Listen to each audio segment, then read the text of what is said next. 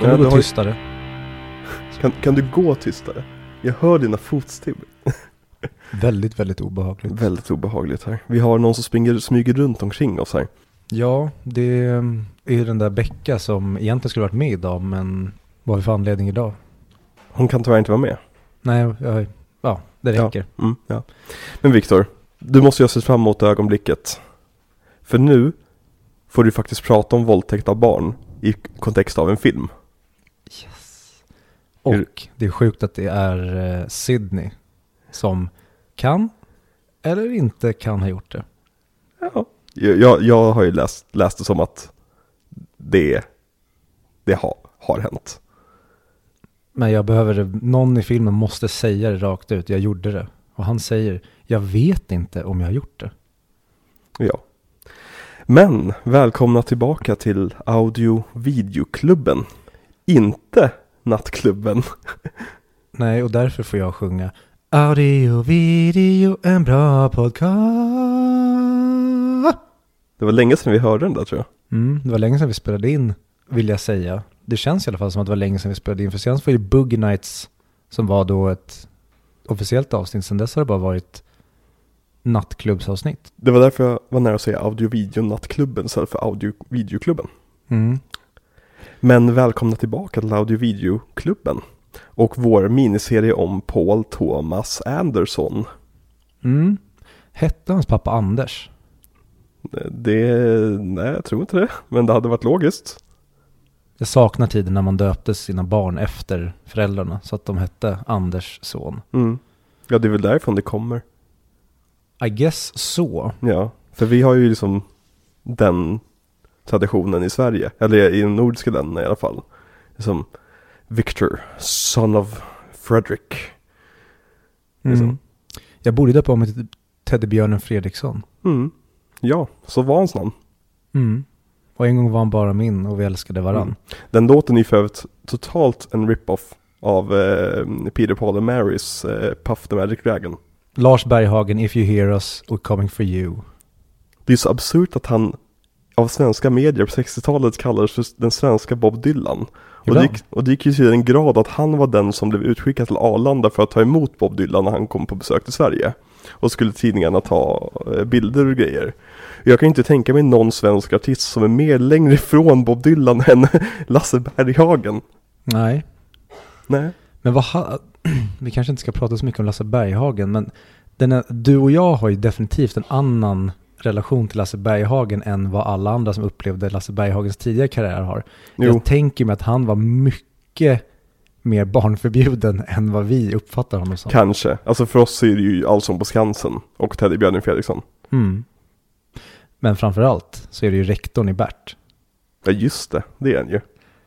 Älskar den karaktären. Han borde vunnit en Guldbagge. Jag måste se om Bert. Mm. Jag är mitt i eh, tv-serien Mhm. och såg eh, filmen för något år sedan. Mm. Och det är bland det bästa som har gjort i Sverige. Ja. Den, alltså, vad för typ av... Den är verkligen så cartoonish som den borde vara. Mm. Och den är det på ett sätt som inte blir... Det blir aldrig larvigt och det blir aldrig löket, utan de är hela tiden perfekt i sin balans. Mm. Ja, det är Verkligen. mästerverk. Mm. Sören och Anders. Två jävla gudar. Åh, vi borde nästan köra en Sören och Anders där vi både betar av Bert och Sune. Mhm. Vi har ju planer, vissa Sune-planer i framtiden. Mhm. Eh, som vi nog kommer avslöja lite längre fram. Men den här veckan så ska vi prata om Paul Thomas Andersons säga, mästerverk. Det som anses vara nästan hans bästa film, enligt många. Eh, Magnolia. Det Mm. brukar väl stå mellan den och There Will Be Blood. Ja, definitivt. Det, det som Magnolia har, skulle jag säga, som inte There Will Blood har, det är ju att den är också väldigt, inte hatad, men väldigt många blev väldigt besvikna på den och känns som att de blev bestulna på konfekten. Mhm. Utveckla. Nej men att de, alltså när man ser den första gången så man förstår inte. Det är många saker, trådar som lämnas olösta och eh, man efter egentligen, och det kände jag själv nu när vi såg om den, att hela första halvan är nästan som en annan films klimax. Mhm. Samtidigt som det är en introduktion så är det som att nu bygger vi upp för en stor explosion här. Mm. Och sen är det nästan som att filmen planar ut och blir någonting annat. Och sen när väl vi tror att vi ska få någon slags förlösning i form av att okej, men nu kommer ju alla de här på något sätt mötas eller någonting. Mm. Så kommer alla det, utan det kommer någonting helt annat. Mm, och så sitter precis. folk där efter och bara, jaha, Mm. var det det här? Varför var det inte det där som ni lovade mig under första halvan av filmen? Mm. Men Paul Thomas Anderson har ju själv beskrivit den här filmen som att den har ungefär samma struktur som Beatles-låten A Day in a Life. I det att den har, den bygger upp, bygger upp, bygger upp i början och sen droppar den i intensitet och kommer till ett rätt ofarligt ställe som sen i sin tur bygger upp, bygger upp, bygger upp, bygger upp och sen kommer får vi till klimax på slutet. Mm. Så det här är ju som en film nästan med två klimaxes. Speciellt om man liksom lyssnar på musiken som spelas i filmen. Mm. Du har ju alltså under nästan hela första halvan av filmen, alltså första en och en halv timme så är det nästan bara ett spår som bara ligger och tuggar. Samtidigt som korsklipper mellan de olika scenerna. Och eh, nej, jag tycker, jag blev helt mindblown över, över bra första halvan är i filmen. Nu tycker jag resten av filmen också är lika bra, men när vi såg den. För det här var ju första gången jag såg Magnolia. Det har ju lite grann varit ett, en blind spot i mitt filmnörd cred, så att säga. Att det är en film som har saknats på den här kanonen.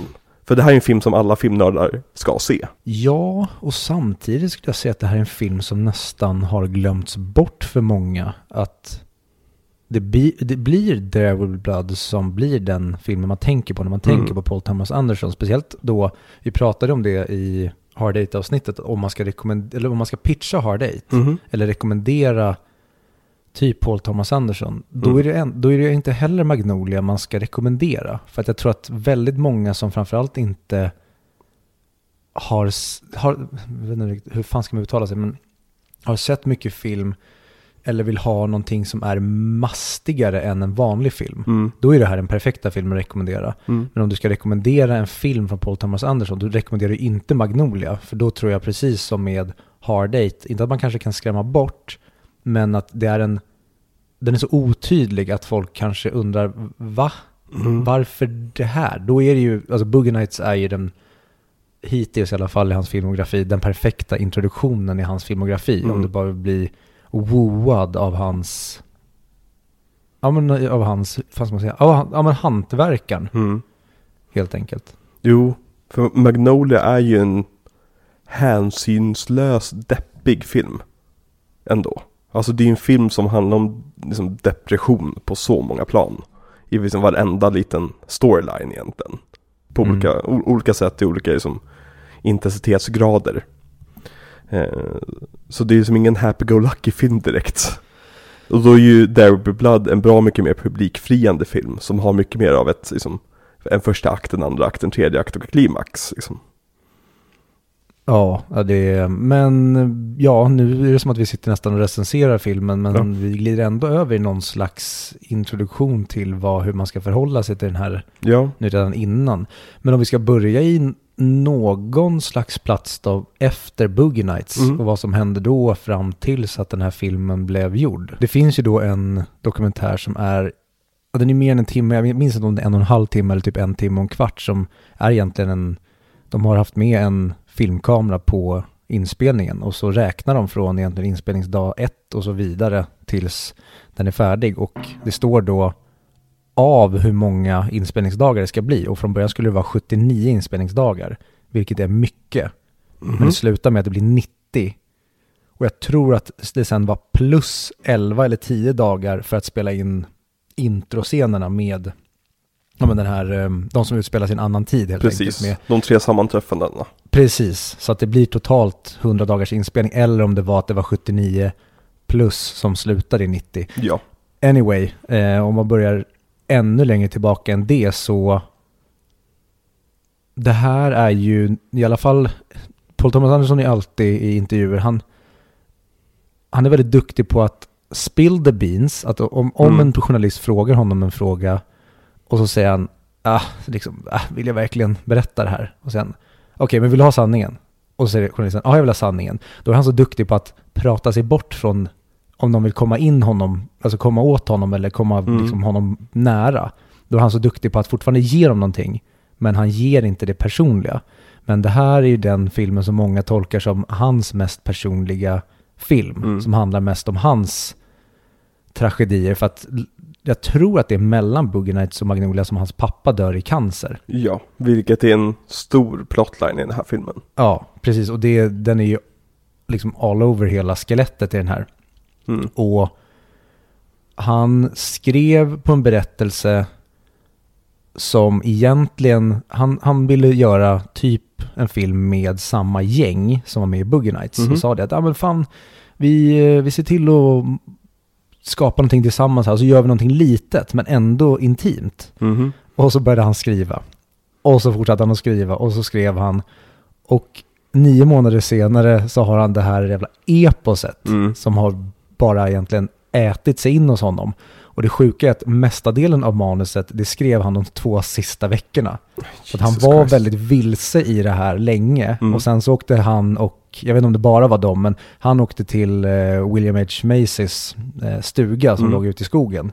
Och ja, men typ hade skrivkramp. Mm. Men sen så stötte han på en orm.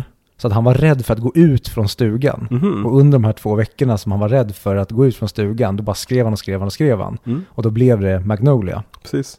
Och William H. Macy var ju stor del i hans karaktär också. För William H. Macy har enligt Paul Thomas Anderson har alltid varit rädd för att spela känslomässiga karaktärer som har Mhm. riktiga känslor. Han, spelar, han brukar alltid bli satt i, liksom ett, ett, i en roll där han får vara lite lustig hela tiden. Där han inte riktigt behöver konfrontera de här känslorna. Men så, så Paul Thomas Anderson, Anderson skrev ju hans roll i den här filmen som en utmaning till William H. Macy. Att hörru, nu får du faktiskt visa vad du går för, för jag vet vad du går för. Och det älskar jag också, när man skriver en karaktär för en viss skådespelare. Och det funkar inte om det inte har den skådespelaren. Nej, och det, jag vet inte riktigt hur det funkar generellt. Det är såklart att många manusförfattare har ju en skådespelare in mind när de Mm. skriver en viss roll för att ha någonting konkret och basera det gör det ju såklart enklare. Man vill ju visualisera scenen framför sig. Precis, men där är ju Paul Thomas Anderson väldigt tydlig med att nej men jag har, jag skriver roller åt skådespelare och sen vill jag ha den skådisen. Men Paul Thomas Anderson är väldigt tydlig med att han skriver roller för speciella skådespelare Mm. och sen så försöker han göra allt för att få med dem. Mhm. Och sen såklart i tidigare filmer också, i Boogie Nights och Hard Eight, då blev det andra skådisar på vissa roller än vad han hade tänkt. Till exempel eh, Samuel Jackson blev erbjuden rollen eh, som eh, Don Cheadle spelar i eh, Boogie Nights, Mm. vad heter han? Tracy? Nej? Buck. Buck. Så var det. Ehm, men då blev det, han tackade nej. Mm. Och om man då går till Magnolia, Mm. då ringde Tom Cruise till Paul Thomas Anderson och sa att du, jag såg Boogie Nights. Vilken jävla rulle. Han bjöd filmen in honom till sättet på eh, är det? Ice, Ice White Shut. Ice White Shut, precis. Precis. Och sa det som att jag vet inte vad du skriver på, jag vet inte vad din nästa film är, men ha mig i åtanke. Precis, och då sa, alltså PTA sa ju det att det var ju typ som att filmpresidenten ringde mig. Ja. Att, Hi, I'm the president of United States. Ja I wanna be in your movie. Alltså Tom Cruise, får du med Tom Cruise, speciellt här, 99. Mhm. Alltså får du med Tom Cruise, då har du ju en, en succé. Det, det är enkelt så, det, det är som att få med Will Smith i sin film Mm. under samma tid. Ja, så att han åker ju, för just i den vevan som um, Ice White Shut spelades in i England så gjorde de en promotion-turné för Boogie Nights. Mhm. Så då besökte PTA Ice White Shut Mm. och då sa han det att, ja, inte nog med att man bara fick kolla på Tom Cruise och fundera på vad ska jag skriva för roll till honom, utan här fick jag träffa Stanley fucking Kubrick. Ja, Så att han sa det, det är som att träffa The King. Och så filmpresidenten i Tom Cruise. precis. Och jävlar vad jag är taggad på att se um, Ice Wide Shut. Ja, jag med. Jag har bara sett den en gång och det var Aldrig sett. jättelänge. Ja men nice. Då. Jag sparar den till vår Kubrick-serie, tänker jag. Mhm. För vi kommer ju köra Kubrick någon gång. Nu, har vi, nu har vi ändå redan i våra huvuden planerat bra för regissörer som kommer ha filmer som kommer ut i Mm. vevan när vi ska släppa deras miniserier i så fall. Men Kubrick är någon som jag nästan skulle vilja in så snart som möjligt bara för att gå igenom hela hans filmografi. Just för att den inte heller är svinlång. Mm. Jag tror att det kan vara lite alienerande om vi skulle köra Stanley Kubrick typ efter vår nästa miniserie. Mm. Att ha två så pass tunga regissörer efter varandra. Men eh, jag skulle definitivt kanske typ tänka mig börja nästa år med Kubrick eller något sånt där. Vi får, vi får helt enkelt se vad framtiden har att utvisa när det kommer till Stanley Kubrick. I agree. Ja. Eh, ja men eh, vidare helt enkelt. Så Paul Thomas Anderson skriver det här och efter Boogie Nights så har New Line Cinema sagt till honom att du får göra vad fan du vill. Mhm. Vilket Och- oftast brukar låta så i början. Och sen brukar man inte lägga sig i efterhand. Mm. Vilket de även gjorde här. Ja, och efter att bland annat ha sett nu jag, jag hatar det samtidigt som jag älskar det. Mhm. Att börja tycka om en regissör personligen. Mhm. För att egentligen vill jag ha en distans till, det gäller skådisar också, för jag vill inte bli inblandad i deras politiska åsikter eller se för mycket av dem. Mhm. Jag vill mest bara konsumera deras verk, för annars kan det bli att, men ta en skådespelare som typ Mark Ruffalo, som jag tycker går ut och svingar som liksom en politisk idiot. Mhm. Då, då har jag svårt att slänga ut det när jag tittar på Mark Ruffalo i hans roller. Och det, det ligger ju hos mig, det, han får ju göra vad fan han vill. Men det kan vara både bra och dåligt. Men nu när jag kollat på massa intervjuer med PTA så känner jag att nej, jag vill inte tycka om dig så här mycket. För att jag blir helt, jag, jag har sett intervjuer med massa filmskapare som jag tycker om, men det är någonting speciellt med PTA för att han, jag kan aldrig få ihop att den här karn gör de här filmerna. Nej. Och vi sa det om Boogie Nights att vi förstår inte hur den här snorungen får ihop det här verket. Nej. Men det multipliceras ju med tusen med Magnolia. Ja. Hur kan den här snubben som var en, 28 typ, eller 29 när han gör Magnolia, hur fan i helvete kan den här snubben ens få, alltså det är en grej om du struck gold och det här är din första film Mm. och det kanske inte var så bra den, de tidigare försöken eller att man ser att det som följer efter, karriären efter, blev en pannkaka. Så, Mm. ja men fan, du, du var en flash in the pan och sen försvann du. Men den här snubben har redan gjort Boogie Nights och så följer han upp med den här, liksom som en Mm. film av biblical proportions och som är en, en lång film och alla i princip nästan kämpade emot honom Mm. under inspelningen det. Alltså de intervjuar i den här dokumentären, intervjuar om både Philip Seymour, Philip Seymour Hoffman, Julianne Moore, William H. Macy Mm. och då börjar det bli som ett gag att alla frågar så här, men hur reagerade du på manuset när du fick det? Mm. Och alla säger så här, alltså jag älskade det, det här var mindblowing nästan. Men jag sa till Paul att det är för långt. Mm. Och alla sa att då började Paul, Paul eller PTA börja skrika på dem och bara You don't know what the fuck you're talking about. Är Ja. helt vilda. Och Paul Thomas Anderson har ju sagt det själv i efterhand i så här retrospective interviews.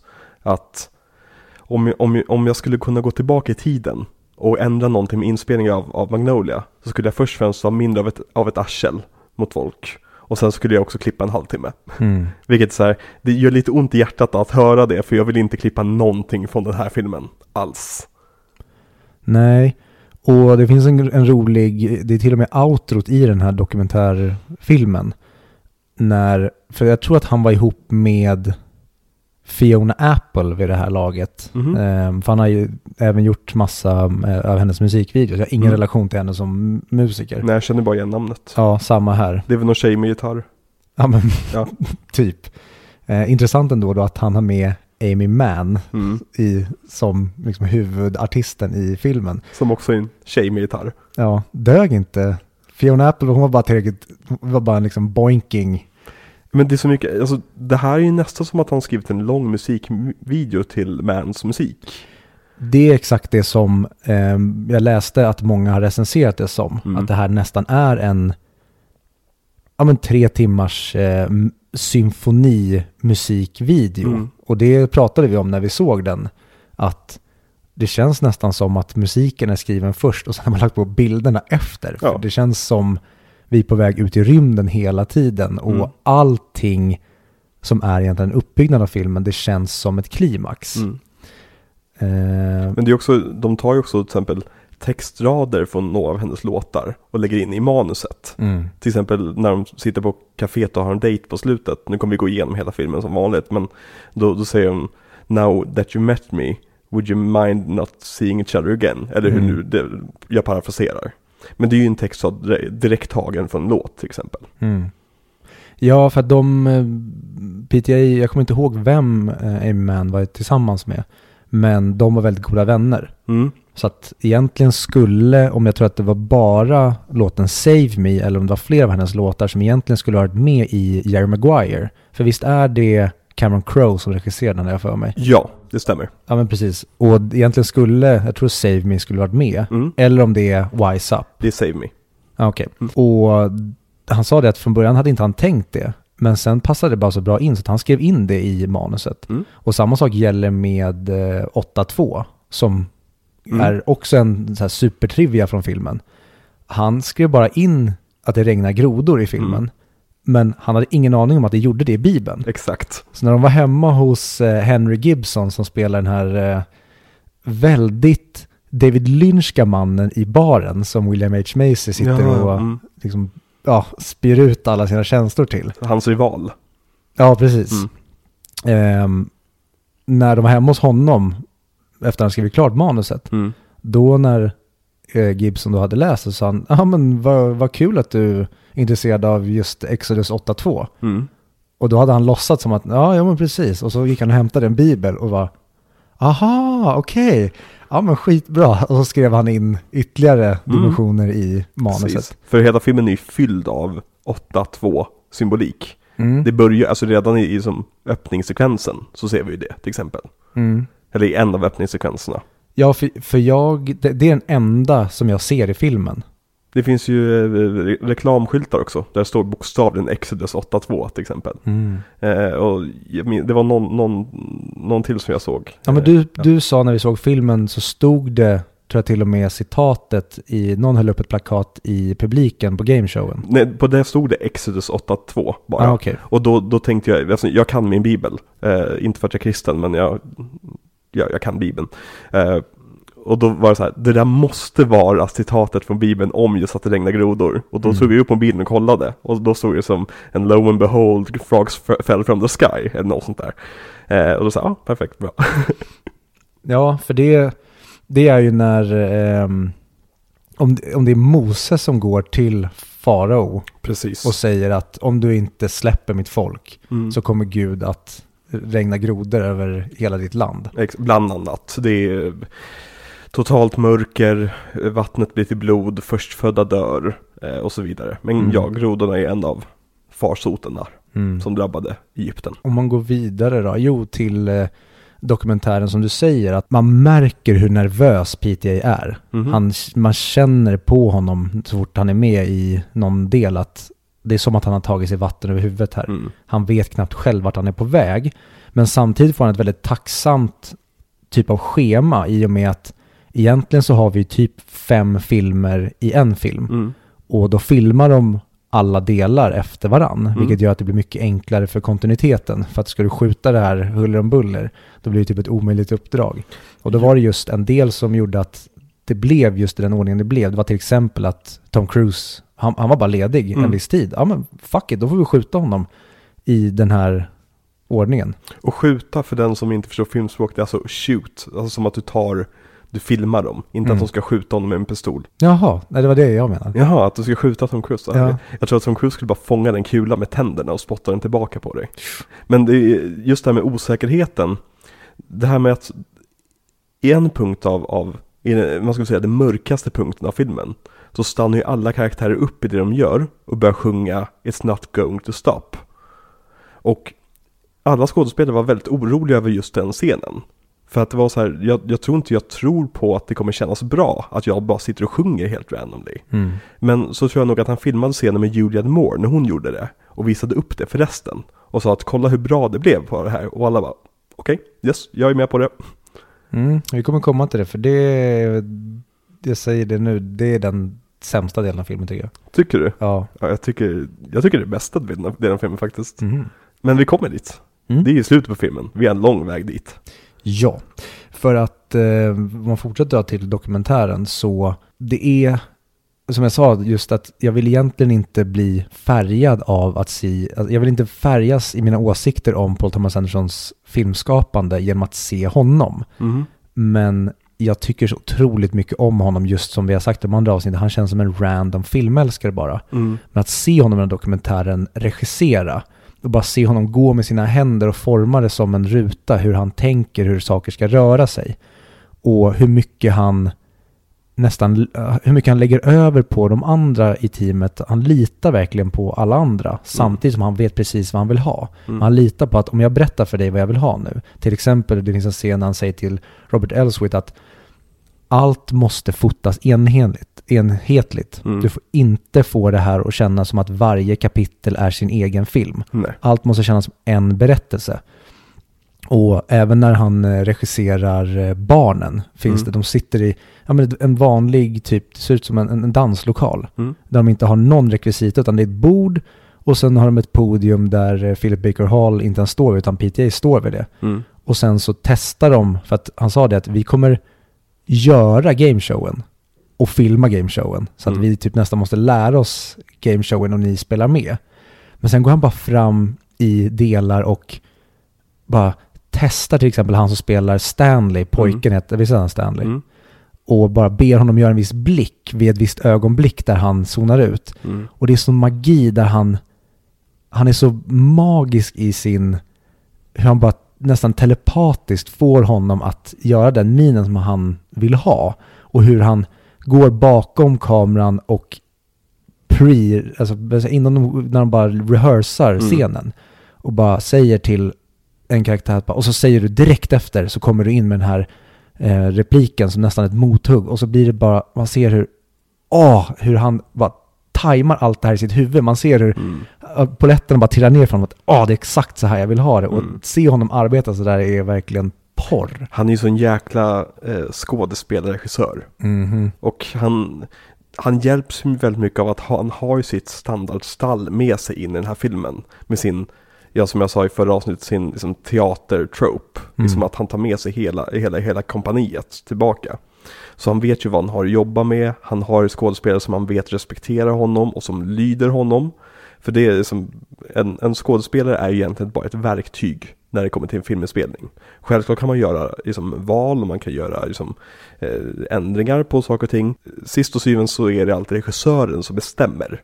Och när man har det här, den här relationen som utvecklas över många år med en skådespelare, då blir det väldigt lätt så att det finns den här ömsesidiga respekten och det här ge- givandet och tagandet hela tiden. Till exempel John C. Reillys karaktär. Den är ju skriven för att John C. Reilly var trött på att hela tiden vara the goofy guy i alla Mm. filmer. Han vill ju ha en karaktär där han en gång får, han får tjejen. Han får vara lite romantisk. Han får ha en liten, en, en romantisk story. Till skillnad från att han är en the bumbling idiot, som han alltid är. Och så blir han ändå the bumbling in the Jo men det är för att är John, man måste ju utnyttja den biten av John C. Reilly också, såklart. Ja, och men ja, till skillnad från till exempel Boogie Nights, då blir det, då, då tycker man ju synd om honom. Man skrattar ju inte i den här filmen utan man, Nej, man nästan vill gråta å hans vägnar när han till exempel tappar pistolen. Och Precis. Bara, Nej, fan. det är så mörkt. Och även när eh, lilla rapparen rappar. Mhm. Här har du hela, vem som har gjort det. Och han typ bara, jaha, whatever that was. Och sen bara drar han iväg så bara, oj, you idiot. Precis. Ja, det är så, åh, jag älskar alla karaktärer i den här filmen. Det är som hur mycket brister de har. De känns verkligen som riktiga människor. Och det är ingenting att, i en sämre film så hade, som du säger, när, när lilla ungen rappar om vem som hade, vem som begick mordet. I en sämre film så hade John C. Reilly insett sanningen senare i filmen. Mhm. Att, just det, det var han som var mördaren. Men i och med att han inte förstod från första början så kommer han aldrig förstå. Nej. Precis som, som det är med en vanlig människa. Mm. Ja, men det är, om man ska typ peka på nästan någonting som är det, det bästa med framförallt den här filmen, då tycker jag det är mänskligheten. Ja. Att det här känns nästan inte som en film. Och mycket av det som jag tror folk kan bli besvikna på med den här, förutom att den kanske inte har en, framförallt en tydlig plott. Mm. Och framförallt inte ett liksom, tydligt slut med där, okej, men alla möttes i arken som hade förberett. Och nu när alla grodor kommer så har alla våra karaktärer samlats på den här båten för att rädda sig från syndaflod. Eller Mm. någonting om man skulle gå åt det bibliska hållet. Så, så är det en, en otydlig film. Men också att man då, förutom det, blir väldigt besviken på att men det var ju aldrig någon som vann. Alltså, Nej. eller, det är klart att det finns vinster och försoningen här, men även försoningarna känns så jävla deppiga. Ja, ja, Om du tar. John C. Reilly, alltså, han får tjejen. Mm. Men det känns ändå som att ni kommer ha så jävla mycket problem när Ja. den här filmen är slut.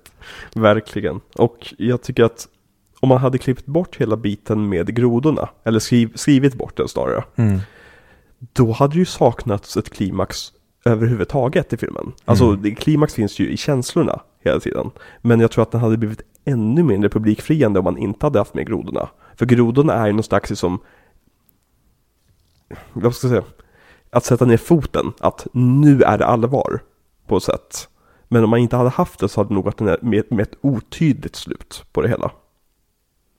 Ja, och nu när du säger det känner jag nästan att fan vad det hade varit ballsy. Mm, det hade varit Om jävligt man bara basigt. vågade sluta på en väldigt, väldigt låg not. Nästan som att filmen stegrar, stegrar, stegrar. Och från halva filmen och neråt, då är det bara nedförsbacke där man rullar. Och det Mm. händer bara varva ner, varva ner och sen, ja, det var det. Men jag tänkte på, tänkte du på att musiken under första halvan, du vet när det korsklipps så mycket, att det påminner väldigt mycket om Requiem for a Dream. Ja, verkligen. Och det är, det är fler filmer jag tänker på. Jo, eh, jag tänker på ehm, spåret i eh, Interstellar, Mhm. där de landar på vattenplaneten. Mm. Och tickandet ligger och kluckandet Mm. ligger i bakgrunden som ett stressmoment. Exakt så kände jag med musiken här också. Att musiken får oss att känna någonting som egentligen inte jag tycker sker i filmen. Men den stressar på så att när bara Stanley är lite stressad för att han är försenad till gameshowen, Mm. då gör musiken att vi stressade gånger hundra istället. För att Mm. egentligen hade det bara kunnat vara, okej han är sen men det, det har inte vi så mycket relation till för att vi känner inte riktigt den här kar- karaktären än. Men i och med att musiken berättar för oss att det är så här ni ska känna, då blir Mm. allting liv och död nästan. Musik är så jävla fuskigt i filmer. Och det är någonting vi tar så givet Mm. ändå. Men det är så märkligt ändå att det har blivit en stor del av filmskaparkonsten. Mhm. Men jag tänker, Darren Aronofsky måste ju ha blivit influerad av den här filmen. För att han satt ju i klipprummet när den här släpptes. Ja. Alltså mycket möjligt, för den... Det är lite för likt för att det ska bara vara till, en eh, tillfällighet tycker jag. Ja, det skulle jag vilja veta. Och framförallt, har Mm. de någon relation till varandra? Mm. Känner... När kom Pi? Visst är det det som är Aronofsky? 98. Ja, så det är, då är ändå PTA up and running och Aronofsky är väl inte det ändå? Nej, Fast han han gjorde ju Pi och sen. Requiem for Dream. Requiem for Dream är ju 2000 va? Ja. Ja. Hmm. De är ju väldigt samtida. Ja, och, och just nu gör ju inte... PTA följer inte upp Magnolia med någonting bibliskt eller larger than life it i filmen efter. Och jag skulle även säga att han kanske går därifrån sen i typ resten av sin karriär. Nu när jag tänker på det. Men även The Fountain är liknande tema som Magnolia och Requiem for a Dream. Man går åt det här nästan att det känns som att man lämnar jordelivet Mm. för att det blir ett sånt Ah. Jag har fortfarande inte sett The Fountain. Mm. Ja, vi borde köra Aronofsky. Men Ja, det ska vi väl? Det ska vi, det, den har vi spikat 100%. Ja, för The Whale ska komma i höst va? Mm. Jag tror att Darren Aronofsky, om jag... Jag tror att någon gång i höst så har jag nog klämt in honom. Eller så är det nästa år. Jag vet inte. Spoiler alert! spoiler alerts. Det återstår att se. Men om vi ska börja, ska vi börja gå in på filmens handling och prata igenom den därifrån? Eller har du någonting mer om hans karriär? En sjuk grej är Mm. att Paul Thomas Anderson aldrig har vunnit en Oscar. Han, är, han har 11 Oscarsnomineringar Ja, just och det. aldrig vunnit. Och vi pratade om det i Oscars-avsnittet som var. Mm. Nu vet vi inte, det här släpps ju efter Oscarsgalan. Mm. Men, Jag tror inte han kommer vinna en Oscar. nej, men då skulle det potentiellt kunna vara den här filmen han vinner för likt Leo vann för The Revenant. Att Ja, säga, att det är tröst-Oscar. okej, nu får vi ändå igenom Mm. en så blir vi av med hela den grejen. Mm. Men det blir nästan ännu coolare om han nu inte har vunnit. Mm. Att han bara fortsätter. Jag vill ju att, alltså, nu har inte vi sett Lic- Licorice Pizza. Den kanske är ett jävla mästerverk. Men jag skulle vilja att han inte vinner för den och att hans nästa film, att han gör den storslaget, ett epos igen Mm. och att han vinner för det istället. Mm. Han kanske återförenas med Tom Cruise och att det är där Tom Cruise vinner sin första Oscar, till exempel. Och så vidare. Eller har Tom Cruise, nej Tom Cruise har bara varit nominerad. Born Ja. on the Fourth och eh, Magnolia va? Mm. Ja. Tänk, ja, det är nästan just nu min dröm. Mm. Det som du säger, PTA och Tom Cruise Precis. gör någonting episkt som de sen typ båda vinner en Oscar för. Ja, men det skulle vara så skönt också att se att Tom Cruise lämna actionträsket. För han, han känns ju verkligen som att han är, han är mitt uppe i sin medelålderskris. Och han tänker att jag måste pumpa ut så mycket action jag kan medan jag fortfarande kan göra det. Jag måste pusha mina stunts. Det har blivit mer snack, när man kommer till Tom Cruise, har det blivit mer snack om stuntsen han gör än skådespelarinsatsen han gör. Och det tycker jag är väldigt synd, för han är en otroligt kapabel skådespelare. Ja, alltså vad heter han? Frank TJ Mack, eller vad heter hans karaktär? Ja, precis. Det är, åh, alltså, Det- åh, Briljant karaktär på alla sätt och vis. helt jävla amazing. Och PTA pratade om det när, hur, hur introducerar man typ den största filmstjärnan på planeten i en sån här film, där han inte är stjärnan, utan Mhm. det här är en ensemblefilm. Och att de introducerar honom genom en liten tv-ruta på en ful så här hemmafilmad promotionfilm för hans eh, produkt. Mhm. Och jag tycker det är så jäkla nice av honom att han fick den idén. Okej, men då introducerar vi Tom Cruise, inte med någonting wow, utan det är... Fast sen får man också the wow moment när han introduceras, på riktigt. Ja, Han spelar alltså slags Zarathustra Mm. och han liksom står bara framför eh, ljuset. ja. Eh, liksom i Jesus pose liksom. Mm. Men eh, då hoppar vi rakt in i filmen då. ja, men jag tror det. Och eh, är det någonting vi kommer på på vägen så Ja, det inte- eh, tar vi det på vägen. det är inte så att vi är rädda för stickspår i den här podden. Jag har bestämt mig för att aldrig gå på stickspår igen. Ja, Men alltså efter förra, förra, förra veckans podd så kanske det är bra att vi håller igen på stickspåren. Fyllt av stickspår. Ja, som vi sa tror jag, 20 minuter om Hard Eight och eh, typ två timmar om allt annat. Ja, något sånt.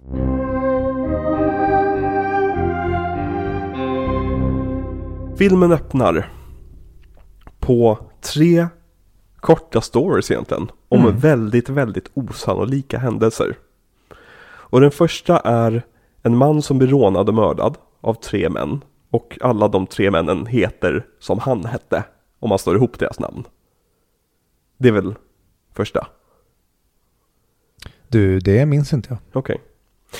Andra storyn är då, handlar ju då om en scuba diver som råkar bli uppfångad av ett brandflyg och dör av en hjärtattack i den här som kokongen han fångas upp i. Och det visar sig att den som flög brandflyget blev utkastad av scuba divern på ett kasino tidigare den veckan. För att scuba divern jobbade på kasinot, eller något sånt där. Jag minns inte 100%. Nej, just de här eh, förfilmerna för att förklara coincidences, Mm. de försvann väldigt snabbt. Mm. Det är väl kanske de minst memorable delarna av just filmen. Jag tycker, okej, det, det förklarar och det gör väl slutet också Mm. en väldigt stor tjänst. Men jag tycker att coolare om de kanske inte var med. Mm. Men jag gillar just scuba dive-delen Mm. och framförallt hur, hur den var, ja, men, hur det, den här bilden på honom i granen var det väl? Mm, mm, precis. Det känns som att man sett något förbjudet när man Mm. ser det. Och Patton Oswalt är ju med. Ja, just det. eh, I en väldigt, väldigt kort liten roll. Mm. Eh, Och sen tredje storyn handlar om en man som, eller en pojke kan man säga. En ung man som tar sitt eget liv. Och när han hoppar förbi sina föräldrars fönster så råkar han träffas av ett hagelskott som hans mamma skjuter mot hans pappa. Så det, ett självmord slutar som ett mord. Men det visar sig att den här bössan brukar mamman hota pappan med, men det brukar inte vara laddad. Men sonen som hoppade hade alltså laddat bössan för att de skulle göra slut på konflikter mellan varandra. Mm. Och, det, det, och det är ju en sann historia. Och det är helt bisarrt. Och det är en sjuk historia. Mm. Och den sitt sätter ju sig. Ja, och det, jag känner nästan att det är ju tre väldigt bra stories i början. Men det hade nästan räckt med en Ja. eller inga. Men det är, ja, det är fortfarande bara, vad säger man, jag är nere på mini, mini, mini, mini nivå nu när det kommer till preferens och smak. Jag har Mm. egentligen inget problem med det för att de funkar jättebra i det här eposet. Mm. Men hade den varit typ 1,50 då är jag bara, men cut this shit. Ja men precis, då, då, men nu är det tre timmar långt så då, då får man ha lite fluff. Mm. Så länge det är bra fluff, eller bra fett som vi brukar använda.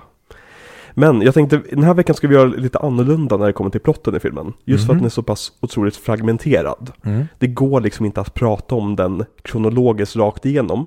Utan det jag har gjort är att dela upp det per karaktär. Eller per huvudkaraktär så att säga. Eh, Så den första karaktären, vars plott vi ska prata om, är då polismannen Jim. Jag är med. Jag tänkte precis samma sak om plottgrejen för att tänk om vi skulle gå igenom den här kronologiskt. Men hade det blir så varit- hoppigt. men Alltså, det speciellt i behövt- början. Ja, då hade vi behövt sitta och ha filmen framför oss. Ja, Det är helt omöjligt att recalla ordningen på den här filmen. ja, ja. nej men verkligen. Men vad skulle du säga, så här, om, om man skulle säga vad den här filmen handlar om, för Mm. det är ju också någonting som jag upplever när jag nu läst om den. Folk har svårt att sätta ord på vad filmen egentligen handlar om. Filmen, jag skulle säga att filmen handlar om först och främst eh, coincidences, vad heter det? Sammanträffanden. Mm. Och hur osannolikt det kan verka att två personer möts som har en relation sen innan på ett Mm. annat sätt, plan. Men jag skulle säga att, som jag sa tidigare, filmen handlar om depression, filmen handlar om döden, filmen handlar om att möta det monstret du själv har byggt upp i, di, i eh, ditt tidigare liv. Och att hantera det. det. Filmen handlar om föräldrars förväntningar på barn. Och barns förväntningar på sina föräldrar. Men det, allt det här är ju bara tematik i filmen. Så jag förstår ju din fråga. Det går ju inte riktigt att säga det här handlar filmen om. Nej. Ut- Utan det handlar ju, alltså det, det är en Jag tycker, det är därför jag älskar den här filmen så otroligt mycket För att det är en otroligt mänsklig film Den handlar verkligen om varenda liten bit av livet På olika sätt Förutom kanske just bebisåldern Mm. För det som jag tänkte på att om man ska peka på en grej mm. som då connectar allt. Så ska jag säga att det handlar om en gameshow. Mm. Och hur allt i filmen är kopplat till den här gameshowen. Precis. För det är ju som att gameshowen, om man ska göra en mindmap, då är Mm. gameshowen i mitten. Och sen drar man ut trådar och alla hakas på i de här grenarna. Precis Men om du skulle säga att det handlar om en gameshow, det är ju inte vad filmen handlar om. Nej, absolut Utan det inte. är på ytan vad du ser.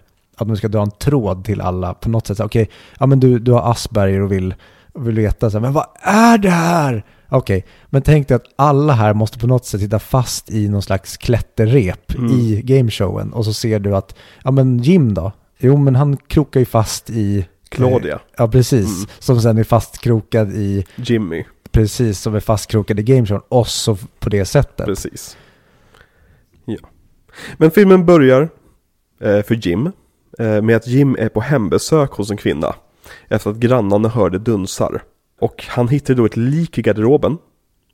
Eh, En väldigt rolig scen, typ filmens roligaste scen ändå. Den börjar ju väldigt roligt. Eh, Mm. när, när hon, eh, tjejen eller frun, eller tanten Jag vet inte vad, vad ska man kalla damen? Sitter och skriker på honom i, eh, fastkedjad i, i köket Liksom eh, släpar eh, sin soffa mot, mot dörren Så att hon kan se vad han håller på med och grejer. Eh, Men hittar ett lik i garderoben eh, Och tillkallar förstärkning. eh, Och när kvinnan blir gripen Men de förstår inte vem som har mördat honom Eller vad som har hänt Men en av grannpojkarna, Dixon, en liten ung pojke Försöker berätta för honom vem mördaren är genom att dra en rap Men eh, Jim är helt ovetandes om vad som precis sades och kallar honom för Coolio bland annat Ja, men just den scenen med eh, Jim och eh, damen, mm. där skrattade jag samtidigt som jag var nästan beredd på en jump scare. Mm. För det kändes som när han skulle gå in där och hitta någonting. det var, Ah, Att ah. hon skulle typ ta sig loss och sen anfalla honom Ja men precis, att det skulle komma någon annan, att han skulle åka på stryk eller Mm. att det var fler, typ att, ja men säg att det fanns en, en man där hemma Mm. som kanske var, ja men säg att The Worm Mm. var där då och övermannar honom. För att även fast han kändes väldigt resolut i Mm. hur han behandlade situationen, kändes som att ja men det här är John C. Reilly. Mm. Han skulle kunna halka på ett bananskal och slå i huvudet och svimma här och så vaknar han upp att hon har bundit honom typ. Precis, det känns aldrig som att han har kontroll över den här situationen. Nej, Vilket är återkommande för hela filmen skulle jag säga. verkligen. Och hade den här filmen gjorts vid ett senare stadie, Mm. då skulle säkert någon ha kunnat skriva in att eh, han fuckar upp och hela hans ark i den här filmen är att han blir eh, anklagad för rasism, att Mm. han har behandlat den här kvinnan på ett felaktigt sätt, begått Mm. tjänstefel och så blir han av med sitt jobb. Mm. Det skulle kunna vara en alternativ version av Magnolia. Mm, thank God att vi inte får den. Men han får i alla fall uppdraget att åka hem till Claudia, som spelas av Melora Waters, som vi känner igen från Boogie Nights. Mm. Och aldrig sett den i någonting annat. Nej, men jag känner igen hennes ansikte jätteväl. Mm. Det, hon har ett sånt ansikte som man bara klickar med direkt, tycker Mm. Lite Jodie Fostersk. jag. Mm. Så här kantigt, den, den, den kantiga blonda kvinnan. Mm. Ja. Men hon är i alla fall väldigt hög på kokain Mhm. och spelar väldigt hög musik.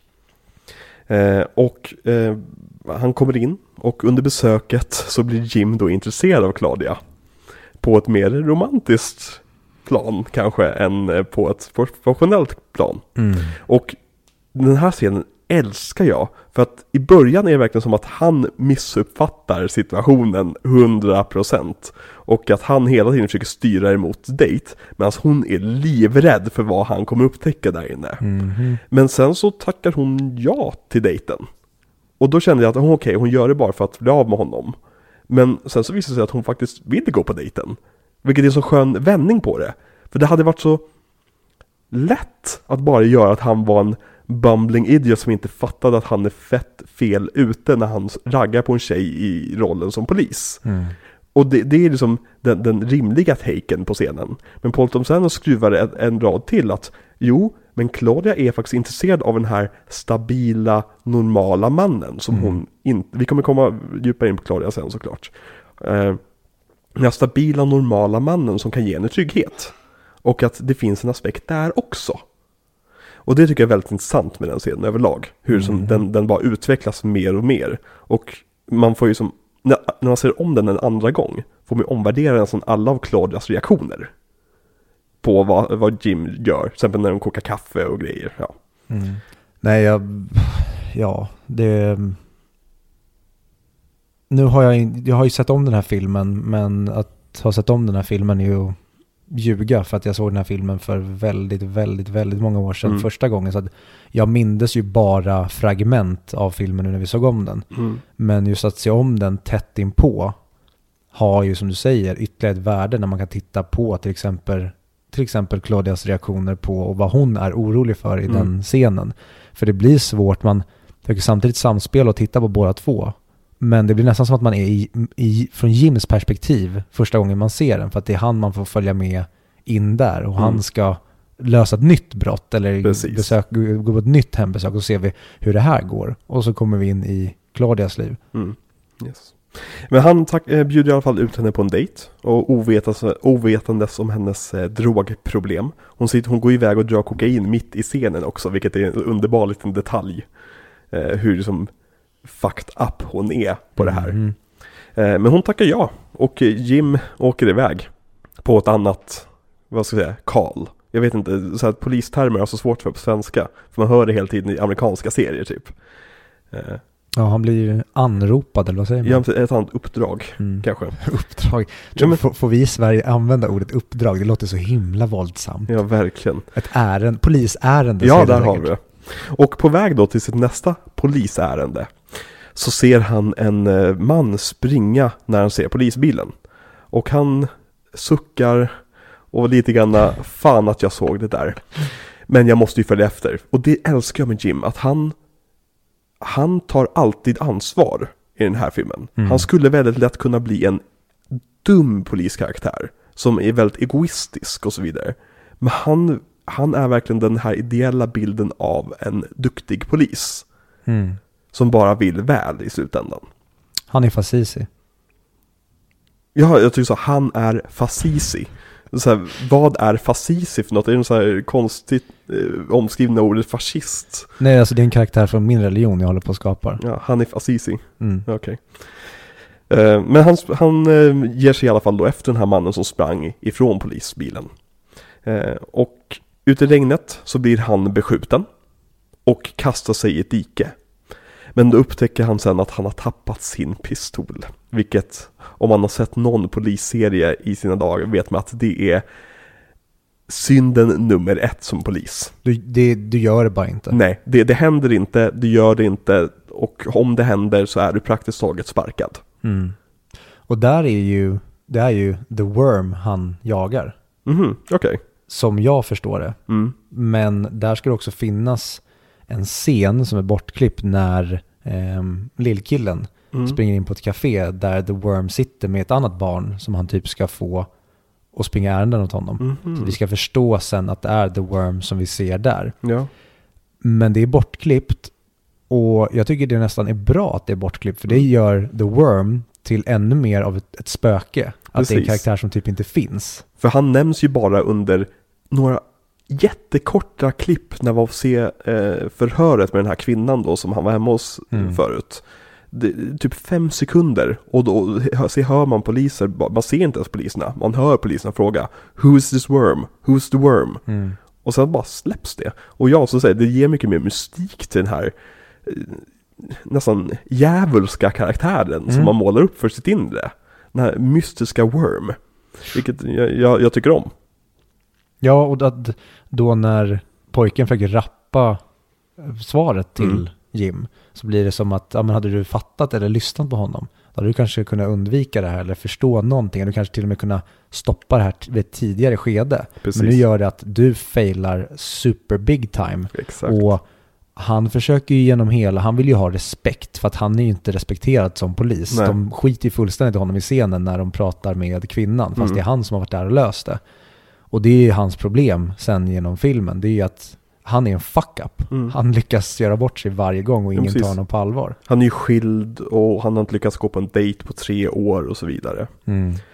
Ehm, Så när han tappar bort sin pistol så bryter han då ihop och ber på sina bara knän till Gud om att lösa situationen.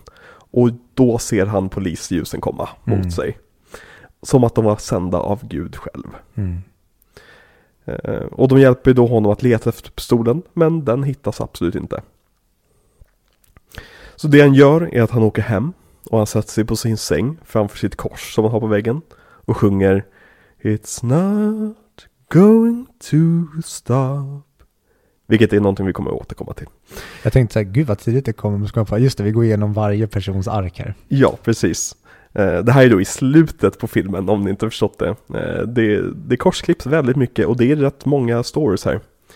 Eh, men efter det då åker han iväg till dejten med Claudia. Och på dejten med Claudia så frågar hon honom om han någonsin varit på en dejt där han bara suttit och ljugit om sig själv. Och jag kunde relatera så jävla hårt till det. För att det är verkligen jag har in, insett det själv, liksom jag har varit på dejter där syftet med dejten är att de ska lära känna mig. Men det enda jag sitter och gör är att jag sitter och ljuger om vem jag är. Mm. Och jag sitter och döljer saker för dem. Och jag sitter och liksom försöker försköna mig själv. När det är kontraproduktivt till varför jag är där. Och det är så mänskligt också, för precis som Jim säger, det är för att man vill bli omtyckt. Man, man vill inte visa sina sämsta sidor på en gång kanske. För att vi har som människor en väldigt naturlig reaktion att om någon visar en dålig sida så försöker vi pusha bort dem lite grann. Mm. Och det är som, om jag bara tar mig själv som ett exempel. Jag har inte alltid mått superbra genom hela livet och jag har en hel del saker som personer som dejtar mig måste få reda på helt enkelt. Men om jag skulle börja med att säga sånt på första dejten då kommer jag aldrig få en andra dejt. Om jag inte träffar världens mest förstående, omtänksamma människa. Men det är väldigt få av sådana människor där ute. Utan den omtänksamheten är något som måste byggas upp i en relation. Mm, det är ju ett, inte bara tvåeggat svärd, utan det är trippeleggat svärd i och med att egentligen ska man vara sig själv från början. Mm. Men då får man förmodligen inte en andra dejt. Mm. Men håller du borta vem du är, då kommer den senare. Och då är det så här, varför har du inte varit dig själv från början? Att Exakt. Du kan inte vinna, utan det är nästan som att du måste smyga in det här Mm. obemärkt på ett väldigt elegant sätt, nästan som att du ska dansa det. Ja, Och samtidigt så ska man då egentligen, målet är ju att träffa någon som det inte spelar någon roll Exakt. vilken av ordningarna som man berättar vem man är. nej. Och det är ju, då blir det ju att typ hur man än gör blir det fel. För att samtidigt om Mm. man lyckas dansa den här dansen och göra det rätt, att mina demoner och mina skuggsidor kommer fram vid ett visst stadie, Mm. då kanske du har det med fel person ändå. Mm. För att du har, nu är man i ett förhållande och man har behövt lura sig in i det här. Mm. Att den enda rätta vägen egentligen, det är att vara sig själv. Men som du säger då, då kommer man förmodligen gå på mina efter mina efter mina. Att man hamnar i Jims kläder. Mm. Att man inte går på den där dejten till slut. Precis. Ja men alltså, jag kan... Den här filmen kan vara en av de mest personliga filmerna jag har sett när det kommer till mina egna upplevelser. För det känns som jag kan relatera till verkligen varenda story i den här filmen. På olika plan. På ett sätt som är nästan lite läskigt hur nära sanningen de kommer på vissa saker. För att jag kan säga det att taktiken att inte berätta om demonerna, det brukar alltid backfira. Ungefär, ungefär tre månader in i varje förhållanden så brukar det vara så att jag måste berätta för att de måste förstå vad det är som händer när jag blir nere. Och det brukar alltid bli så att de säger att det är okej, det är lugnt, det här är inte så farligt. Och sen ungefär en vecka senare så märker jag hur de börjar ta avstånd och sen försvinner de ur mitt liv. Mm. Jag, jag tänker direkt på Scrubs-scen där eh, JD säger att det är okej. Och så får man höra hans röst i huvudet där han bara skriker. Aha! Ja, men det är, jag klandrar ingen här heller för att det är sånt mänskligt beteende också. Att, att, att de tänker att men jag orkar inte med det här. Det här är inte det jag trodde jag skulle få. Dessutom så, det är också rätt osexigt med en kille som sitter och gråter över hur dåligt han har mått. Och det finns väldigt många aspekter i det här. Eh, men vi kan gå vidare.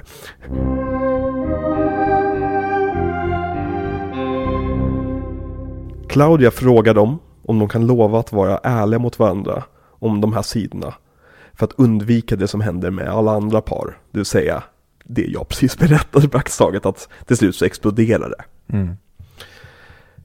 Claudia går iväg till toan, vilket jag misstänker att hon går dit för att ta mer kokain. Vi får Mm. inte se det, men jag misstänker att det är det hon gör. Ja, för hon eh, håller ju nästan på att bryta ihop. Mm. Och sen kommer hon tillbaka med mycket mer energi. Ja, mycket mer kemisk energi.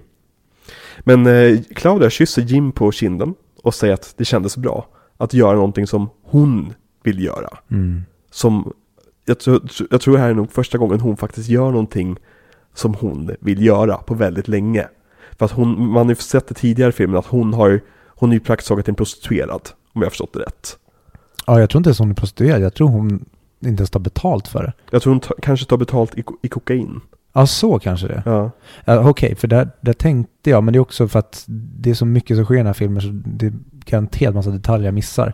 Men där tänkte jag att i och med att hon kommer från väldigt bra förhållanden så betalar hennes föräldrar allting. Så att hon Mm. behöver inte betala för kokain utan hon får som allowance. Och då är hon egentligen bara, det, det är hennes självskadebeteende. Hon Mm. behöver inte hora ut sig för att hon blir bara påsatt för att det är hennes, det är så hon tror att man får närhet för att vi ska inte hänga ut någon här nu, men det går rykten i den här filmen om att hennes pappa har förgripit sig på henne. ja. Men vi vet inte. Vi kommer komma till det. Hon säger att hon är nervös för att Jim kommer hata henne när Mm. han får reda på hennes hemligheter. Och då erkänner Jim att, men jag tappade min pistol idag och jag är allmänt utskrattad av mina kollegor redan innan dess. Ingen Mm. respekterar mig, ingen tar mitt ord på allvar. Ehm, Och Jim lovar ju då att inte döma Claudia för det här, eller för något. Vilket jag tror att han menar det i stunden. Men jag tror också att han kommer döma henne så fort kokainet kommer upp. Ja, i en, i en mer cynisk film hade jag också velat säga det. Mm. Men jag tror att, om jag nu ska to, tolka den här filmen väl, vad som följer efter, så tror jag inte att han gör det. Nej. Utan det här är ju hans chans nu att inte fucka upp, att inte tappa pistolen när kokainet dyker upp. Utan nu Exakt. ska jag faktiskt vara den här stöttepelaren som hon behöver. Mm. Han säger också att, att jag ska försöka att inte döma dig. Jag vet att jag brukar döma folk. Men, och jag vet hur lätt det kan vara att döma folk. Men jag ska verkligen göra mitt allt för att inte döma dig. Mm. Vilket är så fint. Att han, han har den självinsikten. Att han har en sida av sig själv som han antagligen kommer behöva bearbeta när han är med henne. Men han kommer göra det för henne. Mm. Ja, det är... Nu ska vi hålla oss till filmen, men det är ju nästan recept 101 för att på något sätt typ ta reda på vem man är. Det är Mm. att ta reda på alla sina brister. Ja, Så att när man agerar efter skuggan i sig själv, alla sina mörka sidor, då kan man Ja, Okej, ja men nu dök den här sidan upp i mig igen. Mm. Snarare än så många som trycker bort dem och säger att nej men det där, det där är inte jag. precis. Men sen så ser man den sidan i alla andra människor så man hela tiden projicerar sina brister hos andra. Men man påstår att man själv inte har dem. Mm. Istället för att omfamna att ja ah, men fan nu gjorde den där personen sådär. Exakt sådär är jag. Och det är Exakt. därför jag ser den hos andra. Och därför kan jag inte göra någonting åt det. För att jag accepterar den inte. Eller om jag accepterar den, ja men då kan jag göra någonting åt det. Mm.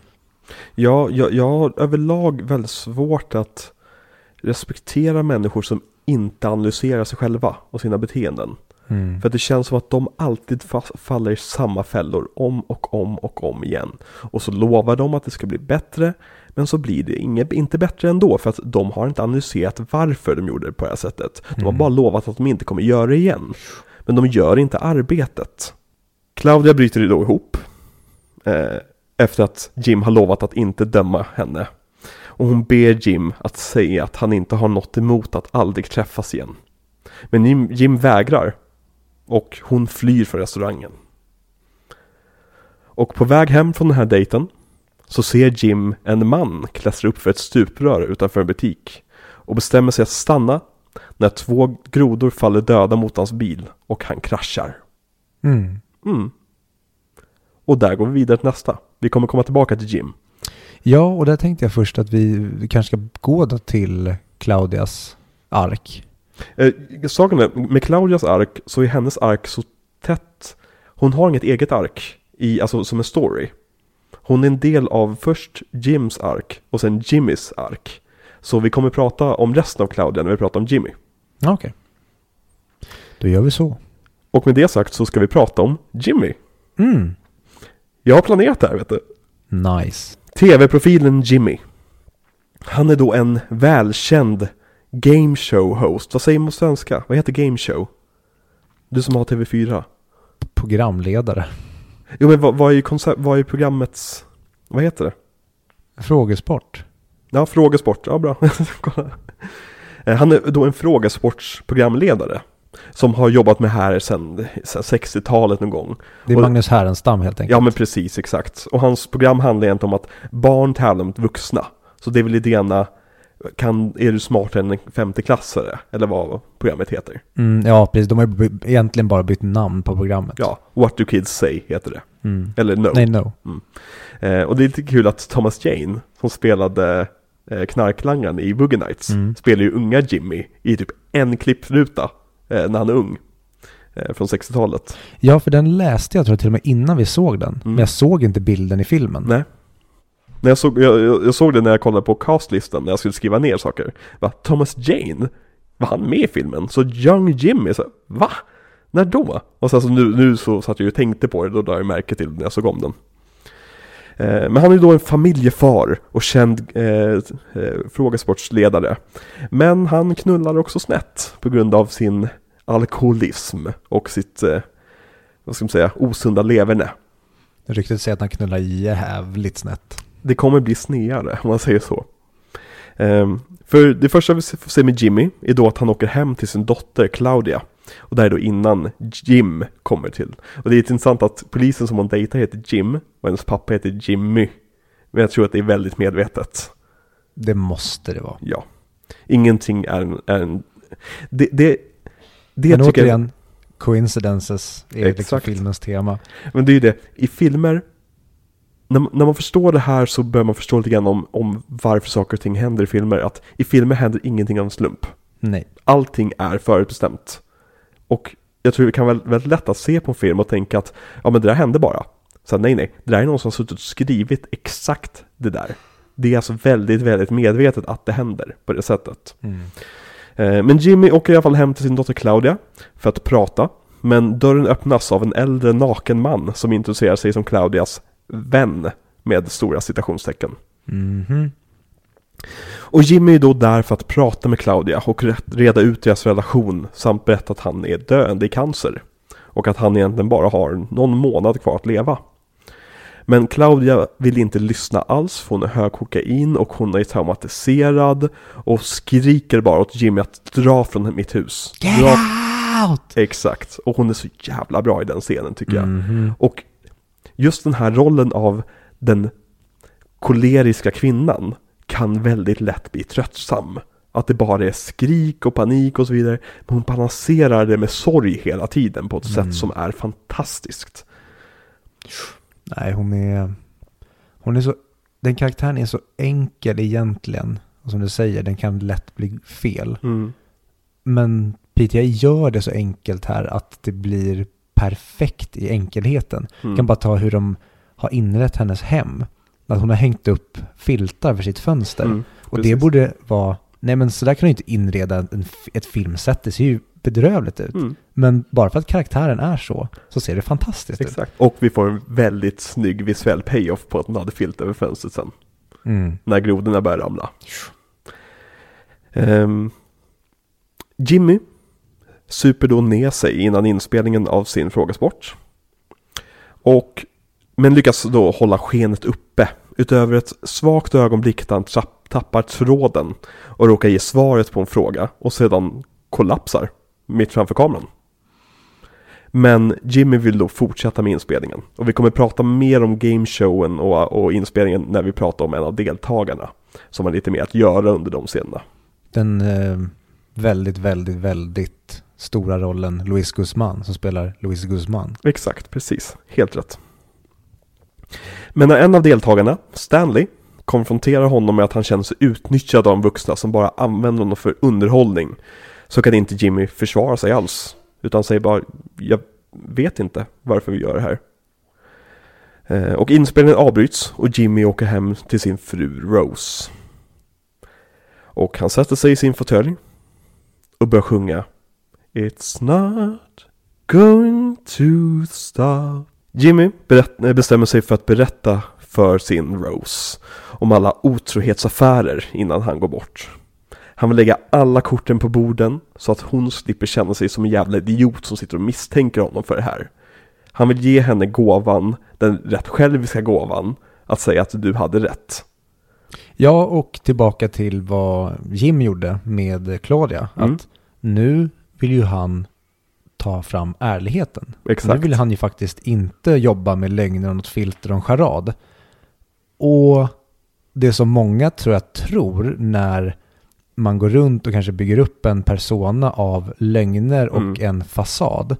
Det är att ja, men, det kanske inte är så himla problematiskt om jag bara börjar säga sanningen. Exakt. Men sanningen är ju bland det jobbiga som finns att det kommer vara människor som inte förlåter dig. Men det är Mm. en del av att vara sann. Precis. Det är att, ja, har du gjort bort dig, då kommer du också få betala för det. Mm. För det är det du också får göra när du ljuger, men på ett helt annat sätt. Då börjar du betala genom att du inte sover om kvällarna eller att du går runt och är rädd för att någon ska komma på dig. Mm. Men nu får du betala på ett annat sätt. Men när du får betala på det sättet, då Ja. blir du också renad. För att citera det briljanta manuset från Tjernobyl. Varje lögn vi berättar ger oss en skuld till sanningen. Mm. Och till slut kommer notan. Det är otroligt bra skrivet.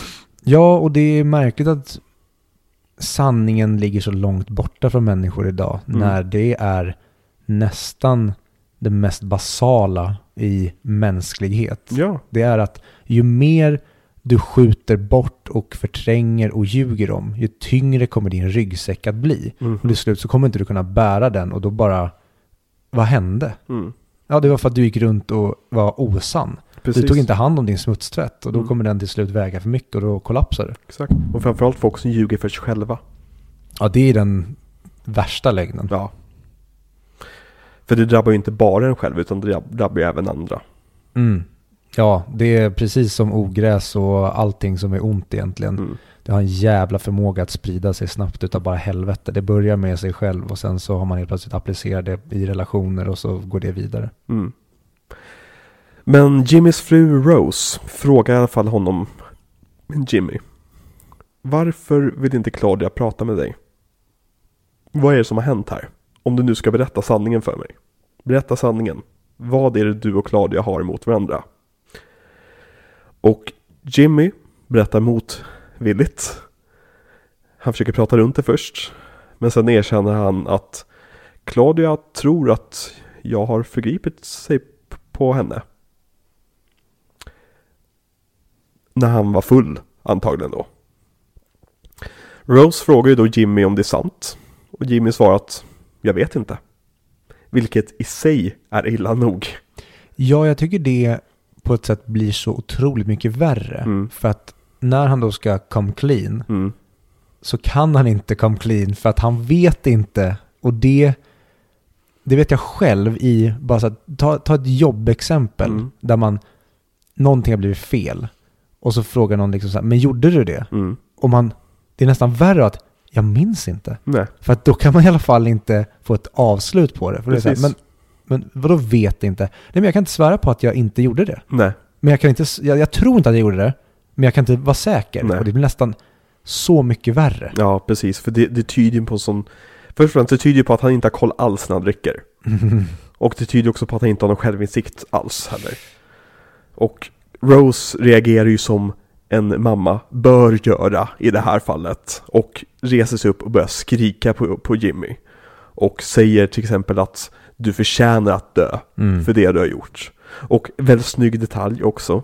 Det är det att när de pratar om sanningen, då korsklipps det med scener från kaféet där de sitter och pratar om sanningen. Att prata sant med varandra hela tiden. När de pratar om att du förtjänar att dö, så korsklipps det till Frank som säger det till sin pappa. Mm. Och det är sådana, det är den skatten av, av här, samma situationer men i olika situationer som man får i det här multipla storyberättandet. När du Mm. klipper dem fram och tillbaka.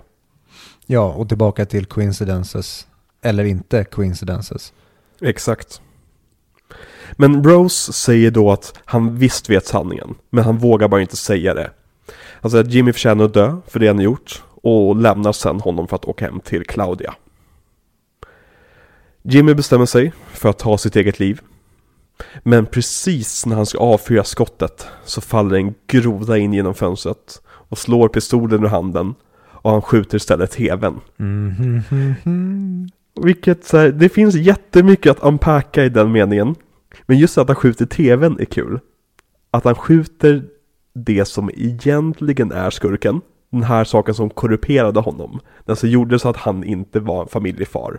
Den som gjorde så att han började supa. Och gav honom möjligheten att kunna ligga runt. Och jag tycker bara Philip Baker Hall genom hela den här historien är briljant. Mm. Och han, han bär på så mycket sorg genom hela sin storyline. Och man förstår hela tiden i slutet varför han bar på den här sorgen.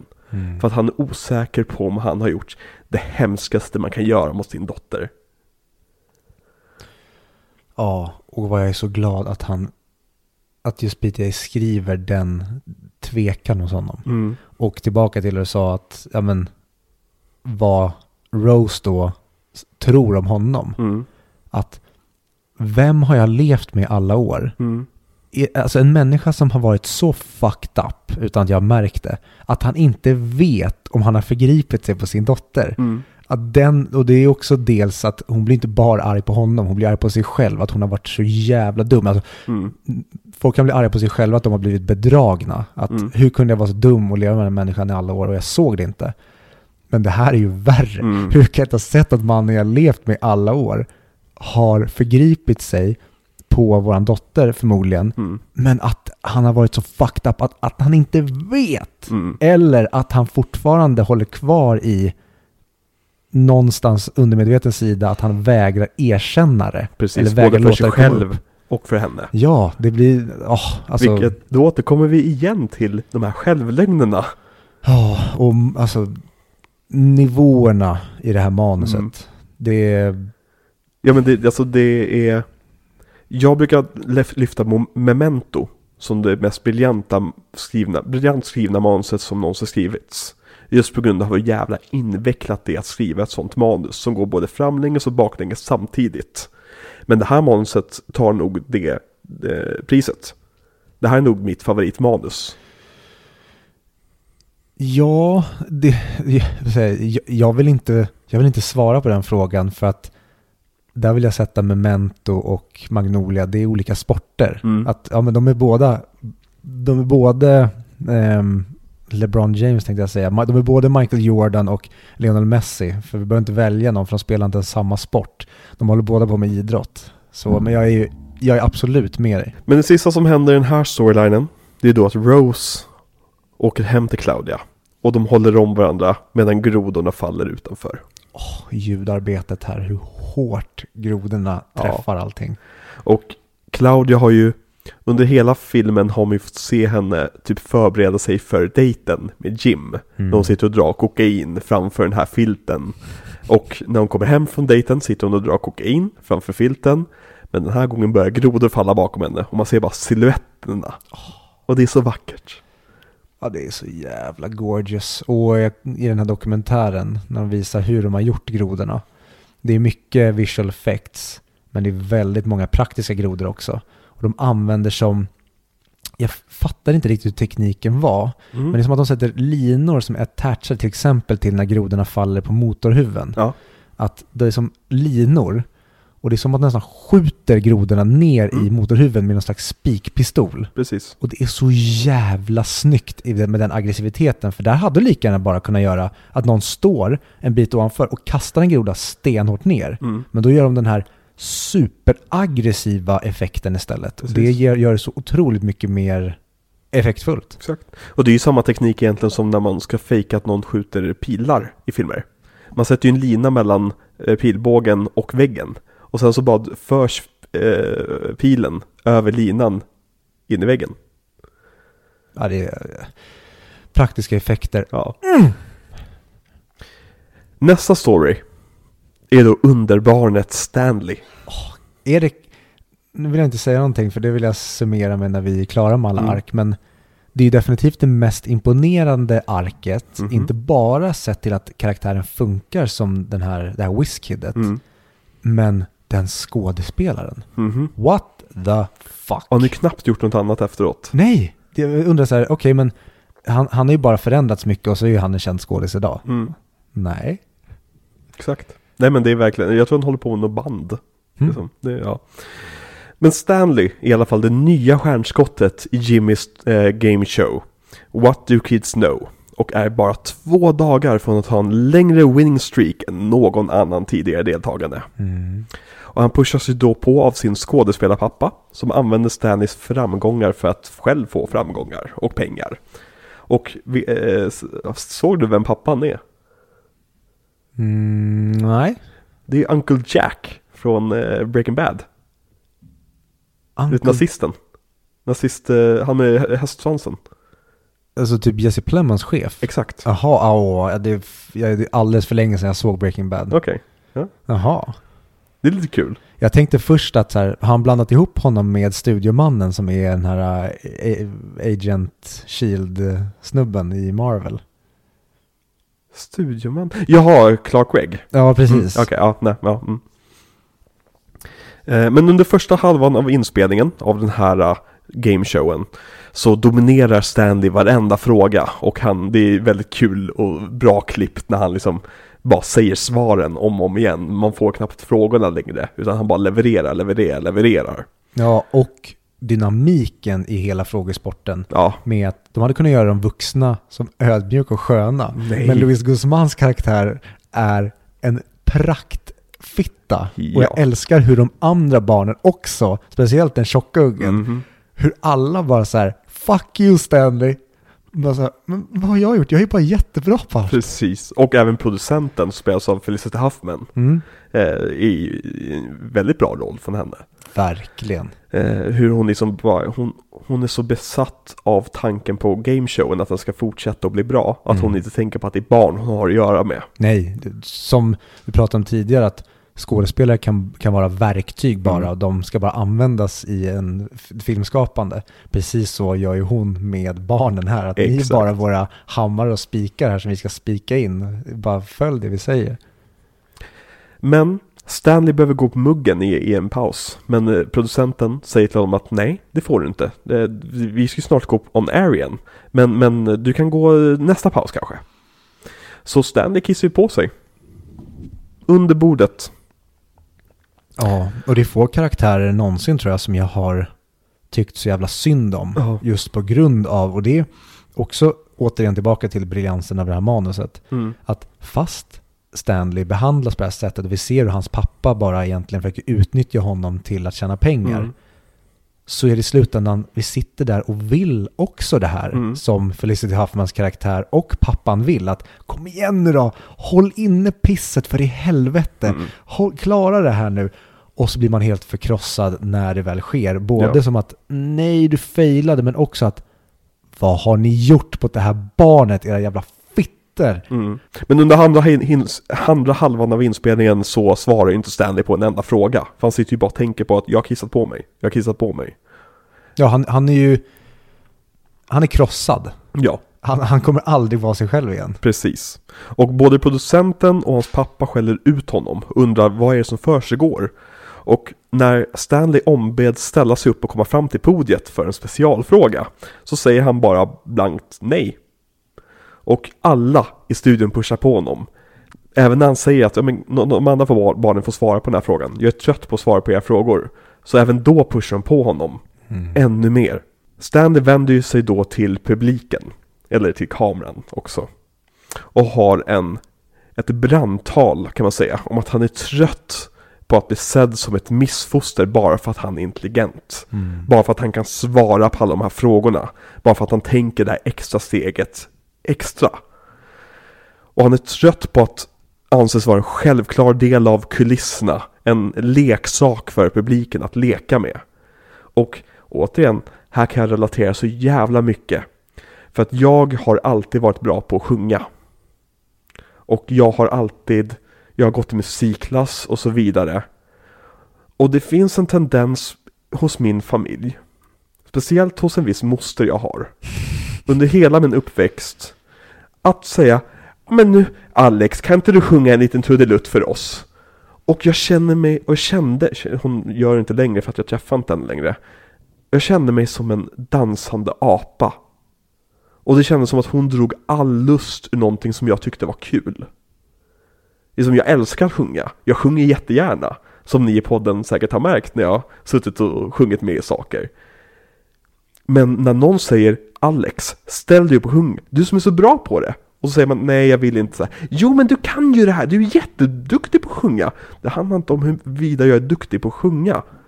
Det handlar om huruvida jag vill vara din underhållning på beställning. Mm, din Och- gycklare. Ja, men Och speciellt som ett barn så är det otroligt svårt att säga nej till de här vuxna.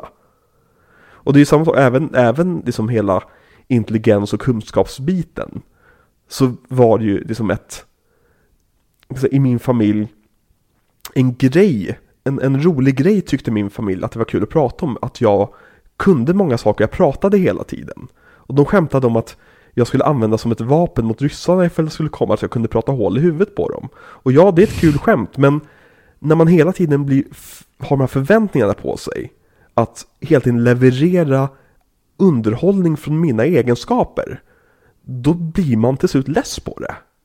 Så jag, det här är återigen en, en av de stories som jag relaterar till jättemycket med det här som Whiskiden som blir sedd som den dansade apan. Mm.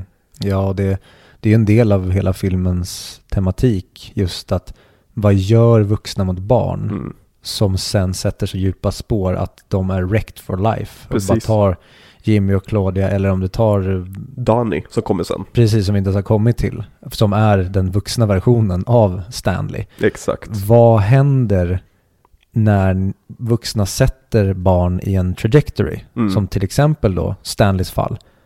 Han är väldigt, väldigt bra på någonting. Och istället för han vill bara sitta i biblioteket och lära sig saker. Det är Mm. det enda han vill. Han vill bara stoppa in hur mycket kunskap som helst i sitt huvud. Nej men då ska vi använda det här på något sätt och försöka kräma ur så mycket som möjligt av det. Så att till slut finns det ingen glädje i det längre. Nej. Och nej, jag, ja, men jag vet inte om alla barn på något sätt kan relatera till det. Men Ja, jag kan också det och det finns ing, inget så här agg mot mina föräldrar på något sätt. Men det finns ju delar i en som har varit att här var det ni som ville någonting. Mm. Så ni tog någonting som jag tyckte om att göra for fun. Mm. Och sen skulle ni stoppa in det i en seriös kontext, i ett tävlingsmoment på ett Mm. sätt som jag inte ville. Eller kanske drog det så långt att till slut så gjorde jag det här för er skull. Mm. Och sen så sätter det sig spår och precis som de sen pratar om i filmen att liksom It's not going, going to stop until you wise up. Att Precis. någon gång, och som Donny sen säger att ja, vi kanske är färdiga med the past, men the past är inte färdiga med oss. Nej. Och det ja men åter tillbaka till en del av tematiken med filmen.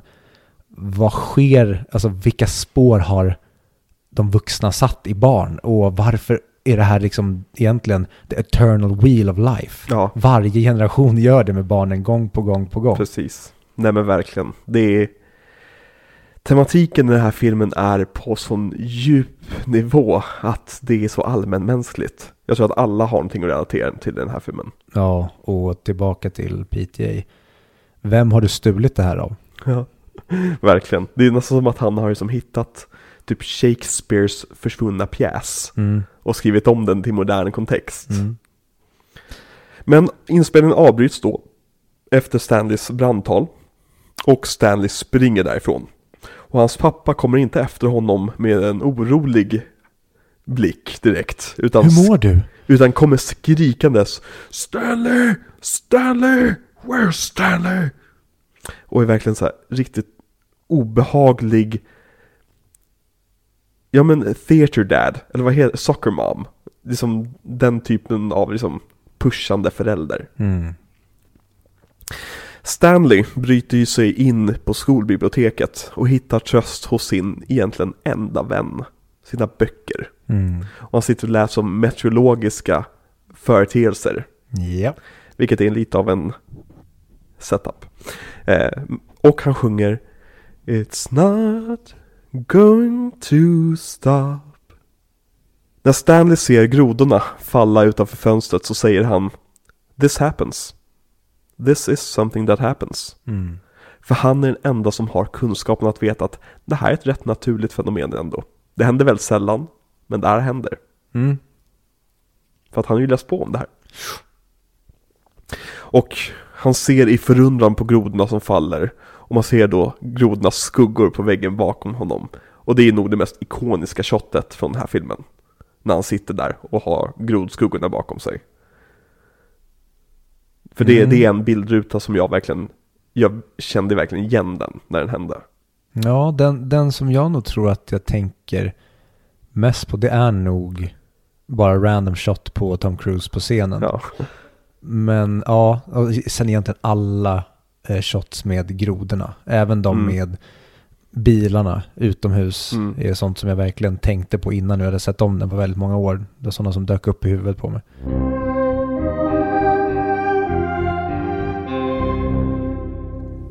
Magnum opus. Då så. Nästa lilla plott. Troféhustrun Linda. Eller Linde. Linda. Det är kul för vi, vi har ju pendlat mellan att säga Claudia och Claudia. Ja, Det är så jobbigt när det är svenska och engelska namn som Linda eller Linda. precis. Men troféhustrun Linda är då Earls unga fru. Och Earl är då en gammal producent från What Do Kids Know. Som nu har blivit föråldrad och är döende i cancer.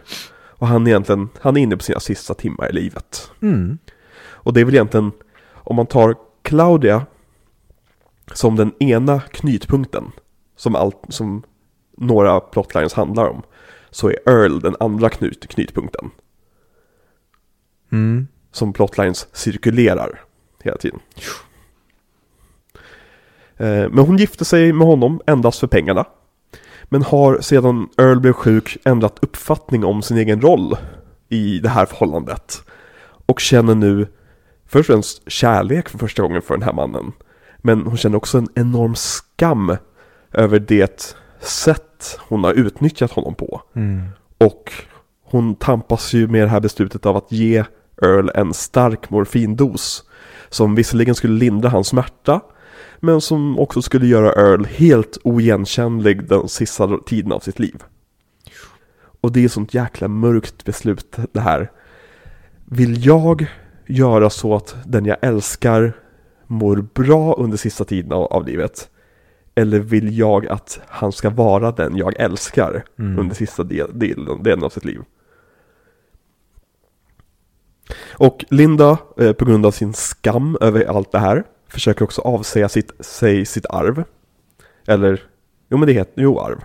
Mm. Eh, men får reda på av en advokat då att Alltså, du kan ju bara skriva avsäga det helt och hållet. Men då får ju Frank, alltså Earls son, pengarna. Mm. Och så vitt Linda vet, hon heter Linda, ja.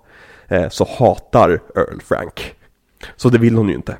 Så hon låter sig fortfarande få pengarna. Även fast det som går emot allt hon känner och tycker just nu. Ja, och tillbaka till den här mänskligheten att det här är egentligen, det, det är en jätte ointressant karaktär. Ja. Alltså, eller vad hon ställs inför öde, för det är så trivialt och så Mm. himla...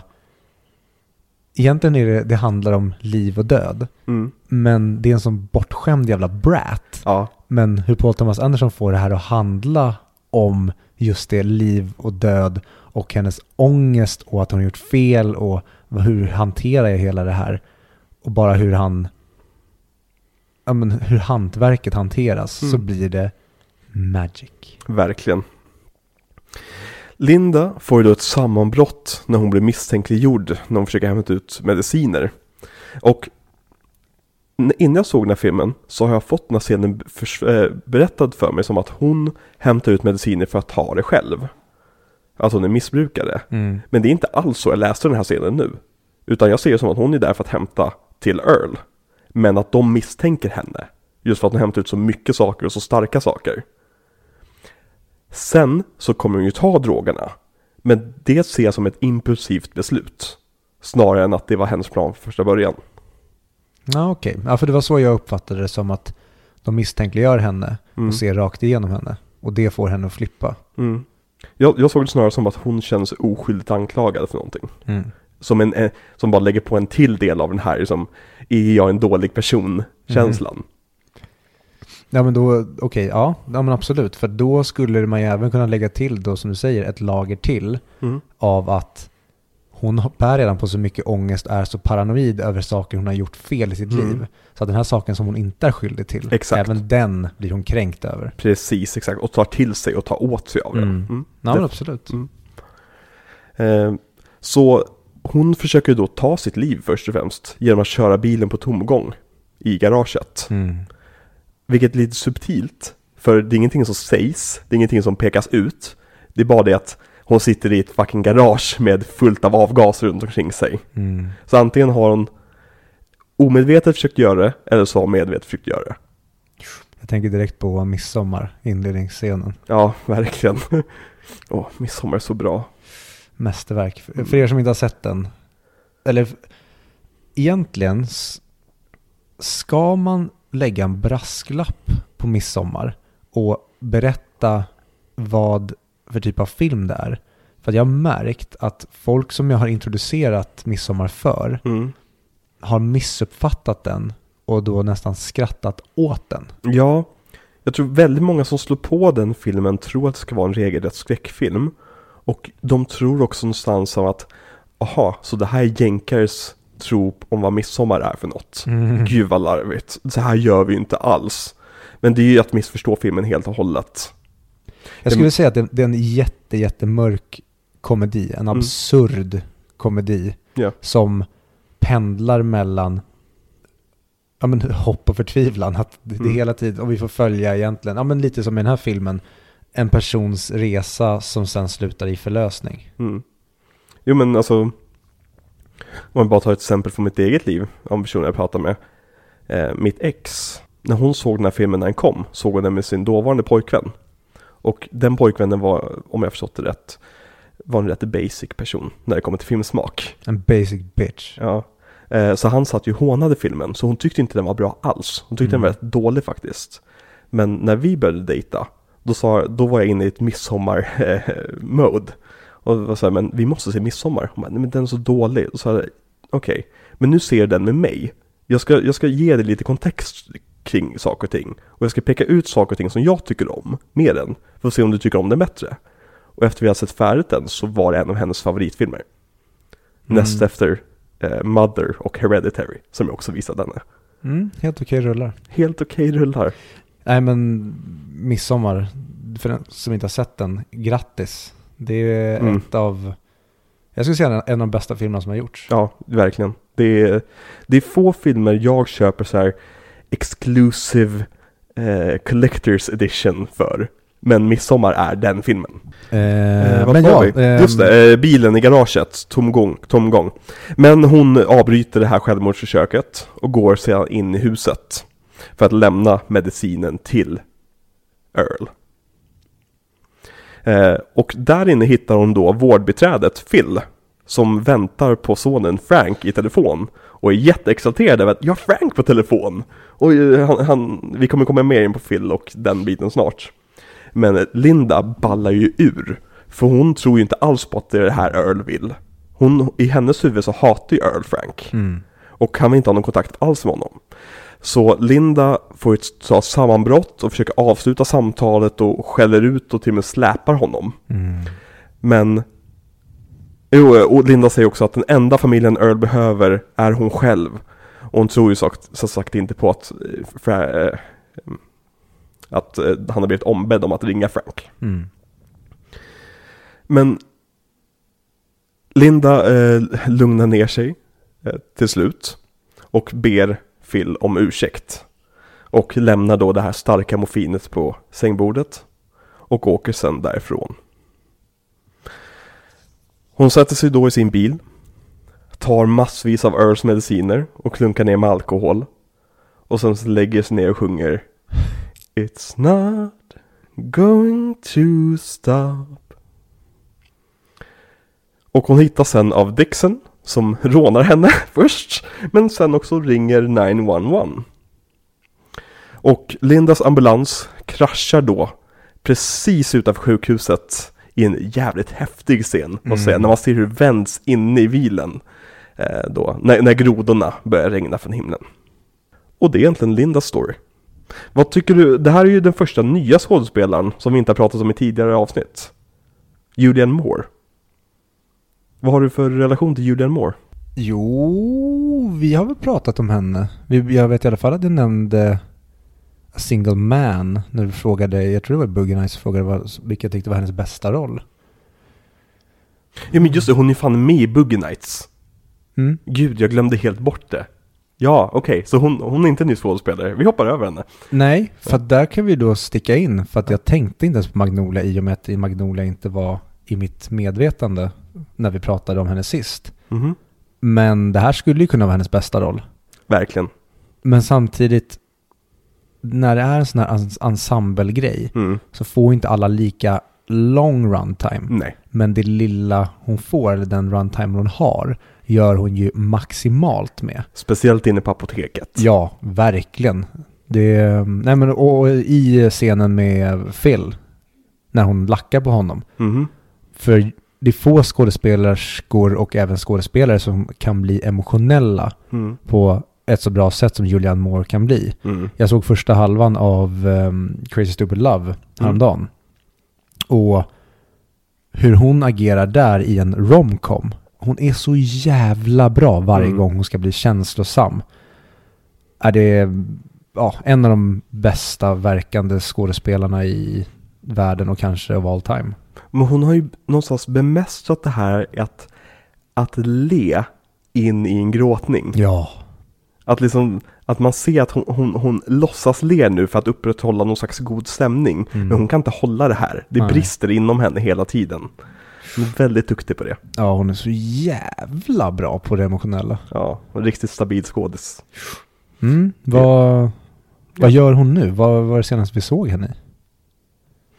Hon känns ju som en sån här skådis som borde ha gått in i tv lite grann. I någon slags Big Little Lies-serie. Jag tänkte säga att hon var med i den här med Hugh Grant, men det var ju Nicole Kidman. Vad fan har hon varit med i? Jag tänkte också på den här Mare Easttown, men det var ju Kate Winslet. Ja men precis, exakt. Det Den kanske- ska för övrigt vara jävligt bra, jag har inte sett den dock. Jag har bara hört positivt om den, men vi har inte lyckats komma igång med den. Nej. För övrigt, har du börjat se um, Lakers-serien än? Av Adam McKay. Ursäkta? Adam McKay gör ju en tv-serie nu om LA Lakers rise till när de blev bäst. Men Inte jag- regisser, han producerar väl bara? Ja, men Ja, han är precis. Det var väl den tur du sa att han och eh, Will Ferrell slutade vara vänner? Ja, för att han castade John C. Reilly och inte Kul. Will Ferrell i rollen. Jag blir så ledsen att tänka på att de inte längre är vänner. Och han har ju gått ut och sagt det som där Adam McKay har sagt i en intervju att, att eh, eh, Will Ferrell svarar inte när jag ringer längre. Nej, och det tycker jag är väldigt tråkigt för att Will Ferrell har antingen jävligt skev självbild eller så har han bara ingen aning om vad för kaliber John C. Reilly sitter på. Ja, oj. För Will, Will Ferrell, har han någonsin gjort ett tungt drama där man kan säga att shit vad bra han var? Det närmsta är väl typ eh, Stranger than Fiction. Ja, och Men- den är ju fortfarande, jag skulle säga att den är lite så här, du vet, så här, när man pratar om Jim Carrey i typ Eternal Sunshine och även i um, Truman Show. Att han jobbar fortfarande med mycket humor i den rollen och i den filmen. Det är inte ett straight up drama som John C. Reilly faktiskt har visat att han klarar av. Mm. Nej men verkligen. Ehm, ja, nej, nej, är den bra? Har du sett? Jag har sett introt Mm. och det fick mig att mm, nu kör vi. Okej, nice. Mm. Jag är inte jätte, jättesportintresserad. Eh, Nej men jag tror inte den, eh, in, vad säger man, är intresserad av det för fem öre. Jag tror Nej. den bara ska bygga upp NBA och det här eh, showbiz-spektaklet Mm. som LA Lakers blev. Ja, precis. Vi kanske får ge den en chans. Jag gillar ju John C. Reilly. Alltså, Ja, och är Adam McKay som styr båten så Ja. kan det bli hur bra som helst. För det, det ser verkligen ut som det lilla jag såg, mm. som att okej, det här är mer Big Short än Don't Look Up. Mm. Att det går åt det hållet. Okej, Det är nice. fortfarande en period piece och det är kostymer och mustascher och grejer. Men det känns verkligen som att de går mer åt succession och mer åt dramat Mm. än åt att det ska bli blaj-blaj. Vart går den någonstans? HBO va? Oh, Mhm. nej, vad heter den så? Jag minns fan inte. Okej, jag borde kunna hitta den rätt lätt.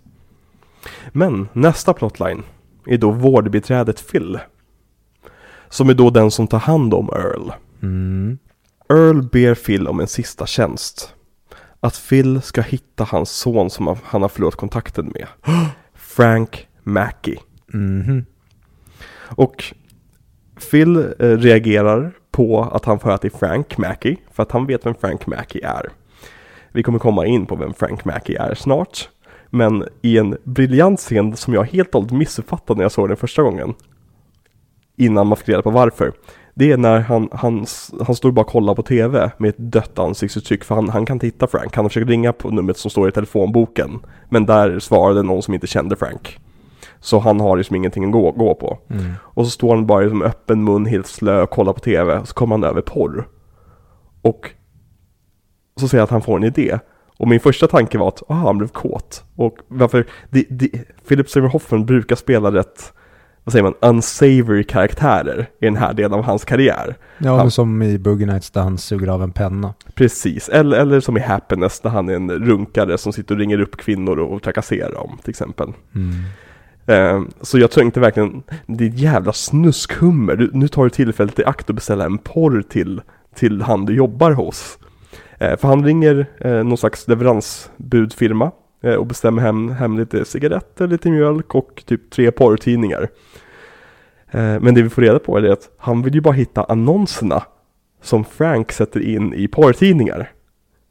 Vilket är så jävla briljant sätt att, att eh, det är en smart lösning på problemet. Både från karaktärens håll och från, eh, från Paul Thomas Andersons håll. Ja, och precis att han gör det som du säger. Att man tror att ah, den här karaktären Phil är en snuskgubbe. Mm. Och sen, nej, det var dina fördomar. Precis, exakt. Verkligen. Jo men han beställde då hem ett par porrtidningar för att hitta numret till Frank. För att det är där Frank marknadsför sina tjänster och föreläsningar. Men han har ju då problem med att nå Frank på grund av att Frank är en kändis. Det är väldigt jobbigt att få tag på kändisar. Det är Mhm. praktiskt taget omöjligt. Tro mig, jag har försökt nå Florence Pugh flera gånger men hon vägrar svara på mina samtal och igår fick jag hem något så här legal dokument om att jag inte får ringa henne mer. Och jag känner bara att challenge accepted. Jag, och, um, jag såg ju faktiskt uh, Zach Braffs uh, Instagram-inlägg om att uh, I will find you and I will kill you. Jag säger bara Zach Braff, din sparris, come at me bro. Du ska ju mer trycka på att han är en äcklig gubbe som snuskar sig med på tok för yng- unga kvinnor. Vet du vad jag ska göra med Zach Braff? Jag ska slå in hans pannben så att tänderna ramlar ut. Helt rätt. I Fredriks anda. Du har gått i Fredrik Landegrens skola. Verkligen. Det är kul att, det är så sjukt att din farsa hotade oss med det. Det är det faktiskt. ja. Det förklarar så mycket varför Och det är så specifikt också. Det är så märkligt. Mm. Nej, skitsamma. Eh, men Phil lyckas i alla fall få tag på en assistent som efter mycket om och men lyckas få tag på Frank. Men han säger att han är osäker på att han kommer komma och samtalet bryts också när Linda kommer in och rycker telefonen från honom. Eh, så Earl och, och Phil pratar väldigt mycket.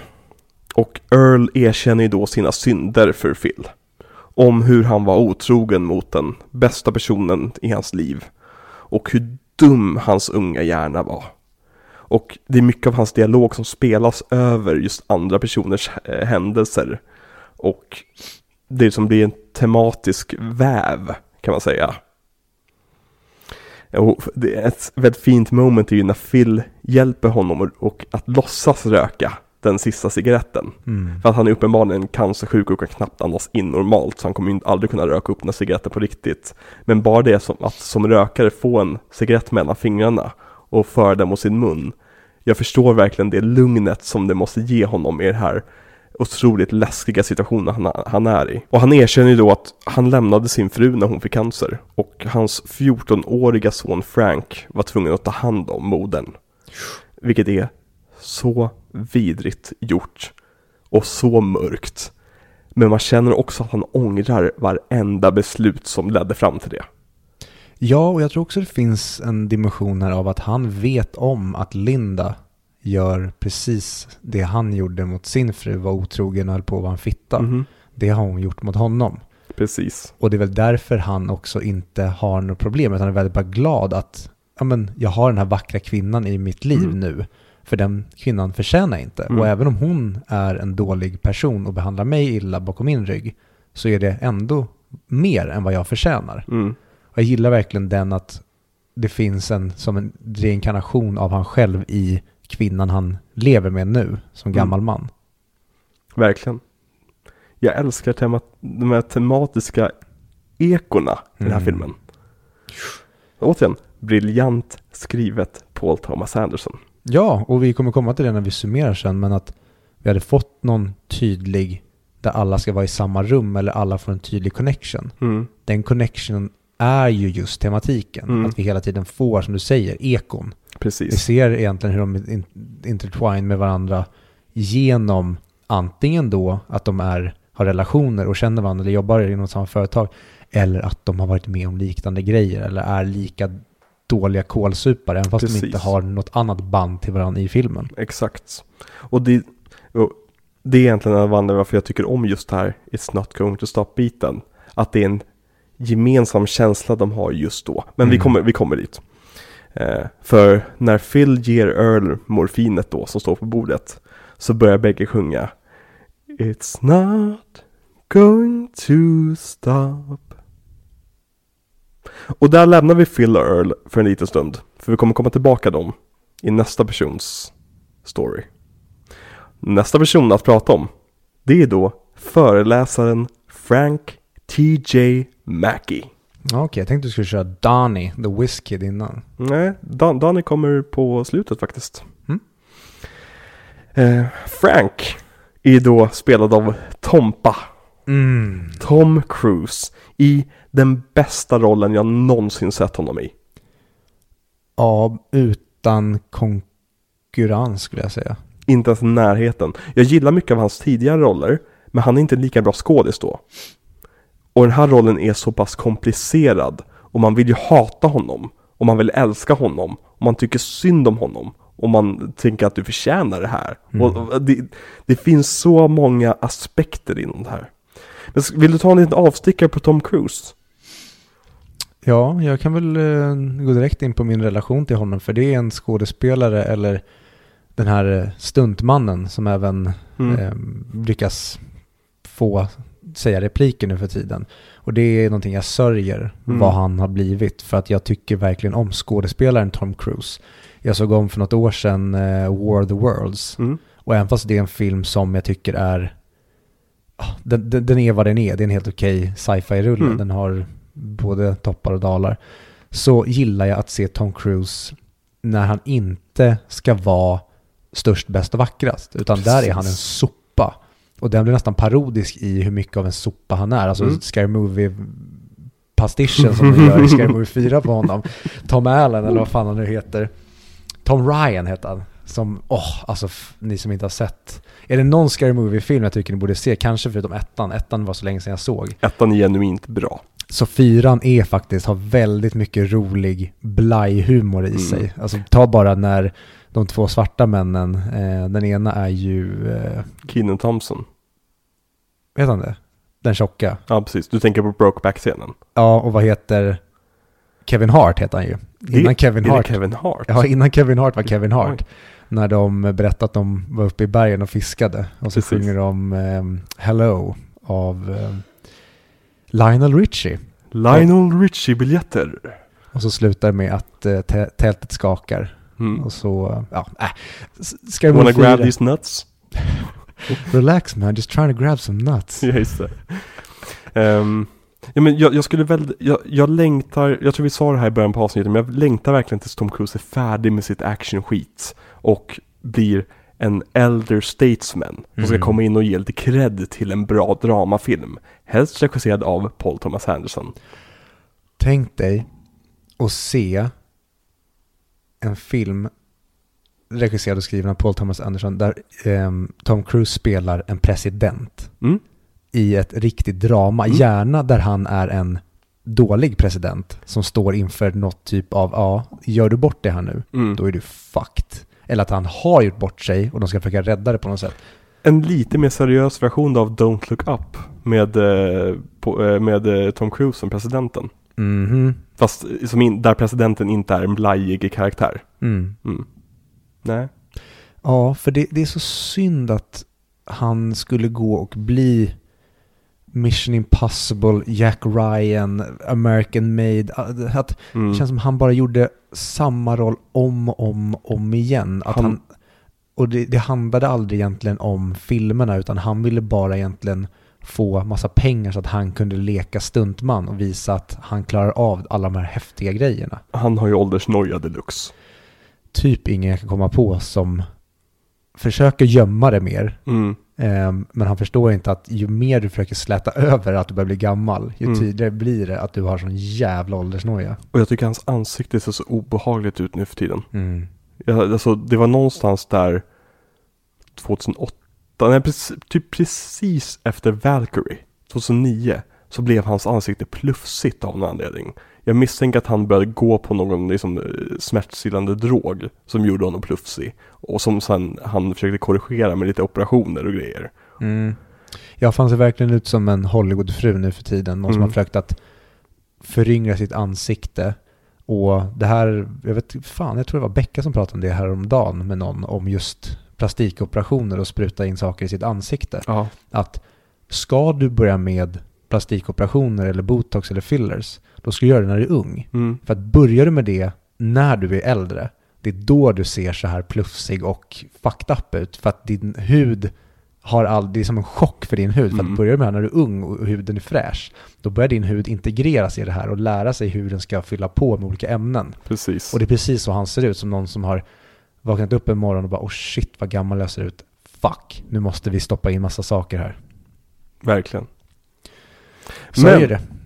Frank T.J. Mackey är ju då en sliskig självhjälpslärare som säljer kursen Seduce and Destroy till ensamma män. Och precis som med alla bra skurkar i filmer så är ju mycket av det han säger, det finns ju ett uns av sanning i det. Men han är ett jävla asshole om det och hans lösning på problemen är alltid köp mina produkter. Ja men precis, han hade kunnat använda den här superkraften han har. Ja, men ta då en person som jag tycker mycket om, Jordan B. Peterson. Mm. Han hade kunnat vara en person som fostrar unga män till att ta ansvar. Mm. Men istället så tar han den här kraften till att använda den som att nu ska vi attackera och slå ner kvinnor genom att förnedra dem med att vi övervinner dem med charm. Mm. Så han liksom paketerar charm och teknik för att han har på något sätt ett hat inom sig som han har fått från något ställe, jag vet inte. Precis. Och det märks ju hur mycket han ser ner på de här männen. Mhm. Hur liksom, när han kommer tillbaka efter pausen. Did you enjoy those nachos? Vad den, den linen är så briljant. Den säger så mycket om hela det här konventet. Ja. Ehm, men han föreläser om saker som Respect the cock and tame the pussy. Jag älskar bara när han säger Noah! Och han blir ju då efter sin föreläsning intervjuad av en kvinna. Och det börjar med att hela intervjun är att han är halvnaken och så typ flexar sin kuk framför henne. I sina vita så här tidy whities. Precis. Och är som jättemuskulös, alltså den där kroppen är ju helt fantastisk. Ehm, Och den där, jag vet inte vad han har, en säck full av tennisbollar i hans kalsonger. Det ser inte ut som att han har en kuk och en pung. Det ser ut som att det är många, många, många pungkulor som ligger staplade på ett konstigt sätt. Jag vet, han har uppenbarligen stoppat någonting i sin, och det är så briljant, och, och att de inte pekar ut det, utan det är bara någonting som alla i publiken ser. Mm. Jag älskar för övrigt shotten där han står framför henne. Mm. Men den är framad fortfarande som att han sitter ner. Mm. Men han står upp. Mm. Och då skär den honom vid midjan. Men han bara står och verkligen flexar sitt kön framför henne. Ja, för han tänker ju någonstans som att okej, en kvinnlig reporter, henne ska jag sedusa. Mhm. Och liksom få henne att antingen skriva väldigt bra om, om mig eller att vi ligger efteråt. Mm. Men den här intervjun går lite längre och lite djupare än vad han kanske var beredd på. Hon har gjort sitt arbete. Hon har gjort ett väldigt bra arbete. Och hon börjar ju då berätta en historia om Frank som Frank kanske inte riktigt är så bekväm med. Om hur hans påstådda historia om sin familj som han marknadsför till alla sina ensamma män inte stämmer för fem öre. Utan att det finns en lite mer mörkare bakgrund. Eh, nu minns jag inte exakt hur det ligger till med detaljerna men var det något att han blev typ sexuellt utnyttjad av den han bodde hos efter att hans mamma dog? Det minns jag ingenting om. Eh, Jag bara, det, det jag minns är bara att han fick ta hand om henne. ja, Och det egentligen förstörde honom. det kanske bara någonting jag fått för mig. Du ville att det skulle vara så. Ja. För du vill att Tom Cruise ska bli sexuellt utnyttjad. Av mig. Ehm, men när rapporten frågar honom om hans familj och hur han har ljugit om den offentligt så blir Frank väldigt defensiv. Och han blir motstridig och till slut sätter han sig bara tyst och stirrar ut reporten tills tiden är ute. Och när hon frågar vad han gör så säger han bara I'm quietly judging you. Och Tom Cruise är briljant i den här scenen. Man ser hur bara ilskan bubblar under ytan. Egentligen vill han bara ställa sig och skrika på den här, ja som han antagligen hade sagt, slynan liksom och bara trycka ner henne i golvet. Men han kan ju inte för det är en reporter. Precis, att han, dels så är han ju avväpnad så att han är nästan helt handfallen. Mhm. Men, och som du säger, på grund av kontexten där de befinner sig så är all eyes on him. Så han kan inte göra någonting. För att om han bara twitchar lite nu, då kan hela hans värld raseras. Så att han Exakt. måste tygla sig. Och då gör han det genom att vara den här barnrumpan som Mm. bara är helt passiv. Precis. Och det märks också att han har nog inte ens tänkt en tanke på sin pappa och sin mamma på flera år här. Nej, hon, hon stoppar in svärdet rakt i magen och bara harakiriar upp hans inälvor. Exakt. Och så när han är färdig med intervjun, då har han helt plötsligt ett samtal där någon säger att din pappa är här. Och han är döende. Det är nästan som att någon har skrivit det här. Nästan. Han får reda på att pappan är döende och att han söker honom. Men han, han, är, han har så mycket kom, liksom konflikt inom sig angående det här. Han vet inte riktigt vad han vill. Så han fortsätter med sin föreläsning. Men här märker man att han börjar tappa kontrollen över det här. Han kommer ju av sig i föreläsningen. Han tappar till och med humöret under föreläsningen. När han pratar om hur män och kvinnor inte kan vara vänner. Och till slut så går det så långt att han bara slänger undan bordet från scenen. Och sen säger Get your white booklets. Det märks att Paul Thomas Anderson tänker att jag har en chans med Tom Cruise Mm. och nu ska vi maximera den. Ja, Och det är synd. Jag, jag vet inte vem som vann Oscarn 1999.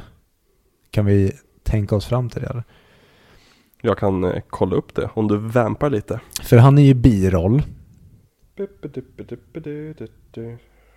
Nu är glada jul. Jude Law var nominerad för Talented Mr. Ripley det året. Mike, Michael Clark Duncan var nominerad för Green Mile. Det här är nog det bästa Oscarsåret. Jag måste nästan bara läsa upp allihopa. För det här är ett bisarrt bra år. Okej, ehm, Best Picture vann ju American Beauty, vilket är märkligt. Eh, Men jag är på. Ja, det är en jättebra film. Sam Mendes vann bästa regissör. Eh, och där var ju också Michael Mann till exempel regisserad för The Insider, M. Night Shyamalan för The Sixth Sense, Lasse Oj. Hamström för The Cider House Rules och Spike Jones för Being John Malkovich, som är en av mina favoritfilmer. Eh, Best Actor vann Kevin Spacey i American Beauty. Men han ja, i huvudroll. Mm, precis. För. Tom Jag- Cruise jag- var väl i biroll. Precis. Eh, supporting actor var tråkig. Michael Caine. Från Cider House Rules. Lite av en karriärs-Oscar, antar jag. Mm, De tänkte han dör snart. Ja, Han men kommer precis. Och så inte- gjorde han det inte. Men Michael Clark Duncan dock. Dog ju. Sen. Ja, när dog han? Typ 2012, 2014? Mm, tio. Var det så tidigt? Inte tidigare. Jag kan trycka på länken men jag orkar inte. Skit i honom. Eh, Tom Cruise blir nominerad, Michael Clark Duncan, Jude Law och Haley Joel Osment. Vilket jävla toppenår. Och så väljer de Michael Caine från Siderhusreglerna. Kom Matrix 99? Eller 98? 99. Vad är det för jävla filmår? Ja, 99 är ju det sjukaste filmåret någonsin. Men dock ska jag säga, att placera Magnolia 99 tycker jag är lite fusk. För att den hade bara en väldigt, väldigt limited release den 7 december. Men den släpptes för stora publiken år 2000, i januari. Hmm. Ja, då får de väl eh, skylla sig själva. Ja, men det är ju samma sak med Cyrano till exempel. Den hade ju inte släppts i någon biograf förutom typ lite grann i New York eh, 2021. Utan den har ju biorelease 2022. Väldigt coolt då tycker jag att man gör så. Mm. Eh, speciellt med Magnolia. Att Mm. så här, vi släpper ut den. Och så ser vi vad det blir helt enkelt. Precis. Verkligen, det är antagligen för att testa marknaden och så vidare. Eh, Mm. De här limited releaserna brukar oftast vara rätt, rätt spännande när man kollar på liksom mängden biografer. För det brukar oftast vara typ så här fem biografer i hela världen som har bion, eh, filmen i några veckor och sen för resten. Jag gillar verkligen det med eh, ta Stockholms filmfestival. Som ligger i slutet på året. Och då kommer det massa filmer som inte kommer till Sverige förrän på våren. Och då kan det vara så jäkla kul att veta att ja ah, men nice, den här kommer inte komma till Sverige förrän på våren. Då går jag och hugger den nu. Exakt. Och sen så typ till våren, ja, ha, var det en film man verkligen gillar, ja men då kanske jag hugger den igen. Mm. Men så vet man att den här kommer jag ändå inte få tillgång till, så nu får jag se till att se den om det är en intressant film. Mm. Och sen har vi vissa Stockholms filmfestivalfilmer som finns på streaming samtidigt som de har på filmfestivalen. Och det är så här, ah, varför bemödar ni ens att göra det här? Ja, då tänker de väl att det finns så många romantiker som tänker att gud vad härligt att få gå och se den på festivalen istället för att se den hemma på tvn. Och det är klart det finns en romantik i det, men eh, Alltså, det är dyrt med bio idag. jag älskar bio, men jag sitter hellre hemma i min soffa än på Sagas bedrövliga stolar. Alltså jag får alltid träsmak i röven när jag är på Saga. Mm. Nej, inte Saga, ehm, Sture. Jag tycker alla de där, även Victoria. Mm, alla festivalbiografer. Fast i och för sig, när vi var såg Stalker nu senast, Mm. då satt jag jävligt skönt. Men jag tror inte det berodde på stolarna, det var mer att jag bara hamnade i en perfect Mm. position. Stalker för ett jävla bra film. Oh. Inte ett lätt drag. Om vi, vi pratade ju i början på Hard Eight om att det här kanske är lite, lite komplicerad serie, lite, äh, lite, lite svårt att ta till sig. Stalker av, vad heter han, Tartakovsky? Tarkovsky. Tarkovsky är, kan vara den svåraste filmen jag någonsin sett. Mhm. Eh, men jag tyckte verkligen om allting med den. Hur långsam den var. Det, det är en sån här film som du måste ge upp alla pretensioner om att det kommer hända någonting. Mm. Nej men du ska egentligen bara sitta och titta på typ bilderna. Ja, Och sen ska du gå därifrån och bara undra, va? mm. Ja men verkligen. Så hade den här ens en plott. Skitsamma. nu går vi tillbaka till Frank TJ Mackey. Han hade tappat det. Precis, han tappar ju på scenen. Och det nästa vi får se av honom är att han sitter i sin bil utanför Earls hus. Och det spöregnar utanför. Och han, man ser på honom att han kan inte ta till sig modet att gå in och Mm. ringa på dörren. Och han sitter där i sin bil och sjunger It's not going to stop Men till slut tar han sig upp till huset och blir då insläppt av vårdbiträdet Phil Som tar in honom till Earl Och här har vi en av filmens roligaste scener När han pratar om hur han kommer behandla hundarna om de kommer nära honom Ja, och det här, jag missuppfattade hela ödet för hunden. För vi får ju se när Phil tappar ut eh, tabletterna Mm. på golvet och hundarna käkar upp dem. Mm. Men jag hade glömt bort det. Så att när sen i slutet av filmen, när vi ser en hund bäras ut På och är död, mm. då trodde jag att okej, så en av hundarna kom nära honom och han sparkade faktiskt ihjäl den. Och jag hade önskat att det var det ödet snarare än att tabletterna kickade in. Ja, jag, jag, för mig satt det så hårt i bakhuvudet, bara för när jag såg hunden äta, äta tabletterna, då visste jag att, okej, hunden kommer dö. Annars hade inte vi haft en shot på hunden som äter tabletterna. Eh, men ja, det hade varit jätteroligt om det var så, alltså utan att, referera, utan att säga att det hände, så refererar man till någonting han sa, man får pussla ihop det själv liksom. Mm. Det, det, mm. det hade varit en väldigt så här, vilken typ av humor är det? Det är väl lite Adam McKayskt nästan. Hmm. Typ Step Brothers tänker jag. Eller är det bara för att jag har John C. Reilly i huvudet? Ah, ja, hur som helst. Hur som haver. Hur som haver barnen kär, va? Eh, men Frank blir då intagen till Earl som ligger helt med, eh, medvetslös för han har ju fått det här starka morfinet då. Mm. Eh, och Frank börjar ju med att vara hård och tuff och berättar om allt skit han är ansvarig för men bryter rätt snabbt ihop. Åh, jag älskar när han bara knyter sina händer och spänner sig och bara Mm. I'm not going to cry for you. Medan han stört gråter. Ja, han kan inte hålla emot och det är väl, där är det väl, and the Oscar goes to, nähä? Mm, ja men verkligen. My Cocaine fick det. Men vänta, spela upp scenen igen. Ja men typ. Det, det måste ju vara hans Oscarsklipp. Tänker jag. Det som Ja. spelades på gat, ga, Ja, men- galan. Och den, den är nästan klyschigt Oscars-baitig. Mm. För den är så perfekt i just det att han, det, det ser nästan ut som att han spänner sig för att börja gråta. Mm. Men han spänner sig för att inte börja gråta och, och bara skakar för att han vill inte släppa ut all den här ilskan han har burit på sedan han var 14 bast. Nej, men precis. Och han börjar ju då prata om allt, allt som Earl var ansvarig för. Hur Earl övergav mamman när hon blev döende. Hur mamman väntade in till det sista på att Earl skulle höra av sig. Vilket är så mörkt. Och jag kan... När jag såg filmen första gången så jag kan verkligen sätta mig in i det här. I det här att man väntar på en person som du vet är borta. Men du bara väntar på att den personen ska höra av sig igen. Och jag kan verkligen, jag kunde verkligen se framför mig just då när jag såg den här scenen hur jag liksom ligger på dödsbädden 80 bast och bara väntar på att hon ska ringa. Liksom. Och, och liksom, ja. Nej men det, ja, nej, det, är, det, är så, det är så mörkt att tänka sig den där. Mm, jag tänker på att det finns någon annan film där det just handlar om en, en pojke eller en flicka och mamman tror att pappan ska komma tillbaka. Mhm. Jag, jag vill säga att det är någon krigsfilm, något krigsdrama. Att mamman kan inte gå vidare för att den tänker att pappan kommer komma hem igen. Men jag kan inte komma på vad det är för film. Nej, inte jag heller. Det ringer någon klocka i huvudet. Men ja. Eh, Frank börjar då gråta, som säger. Och han säger att han inte tänkte gråta för honom. Mm. Och hur han hatar honom och hur Earl förtjänar att dö för det han har gjort. Vilket kommer precis efter att Rose har skrikit på Jimmy att du förtjänar att dö för det du har gjort. Men till slut så bryter Frank ihop och han skriker att han hatar Earl. Men det går snabbt, snabbt över i vädjanden om att inte lämna honom kvar ensam. Snälla, lämna mig inte. Och det här är som, man märker hur han känner att det här är sista kontakten med någon slags normalitet jag hade. Mm. Det här är den sista kontakten med ett vanligt liv på något sätt. Även fast han nog aldrig haft ett vanligt liv, liksom som sonen till en rik och berömd producent. Så har han nog alltid haft lite uppassning på sig. Men att, Men är det känt? Jag t- trodde att han har distanserat sig från allt det där. jag, skulle, jag tror att han kanske var, en- alltså att han har alltid haft liksom pengar omkring sig. Mhm.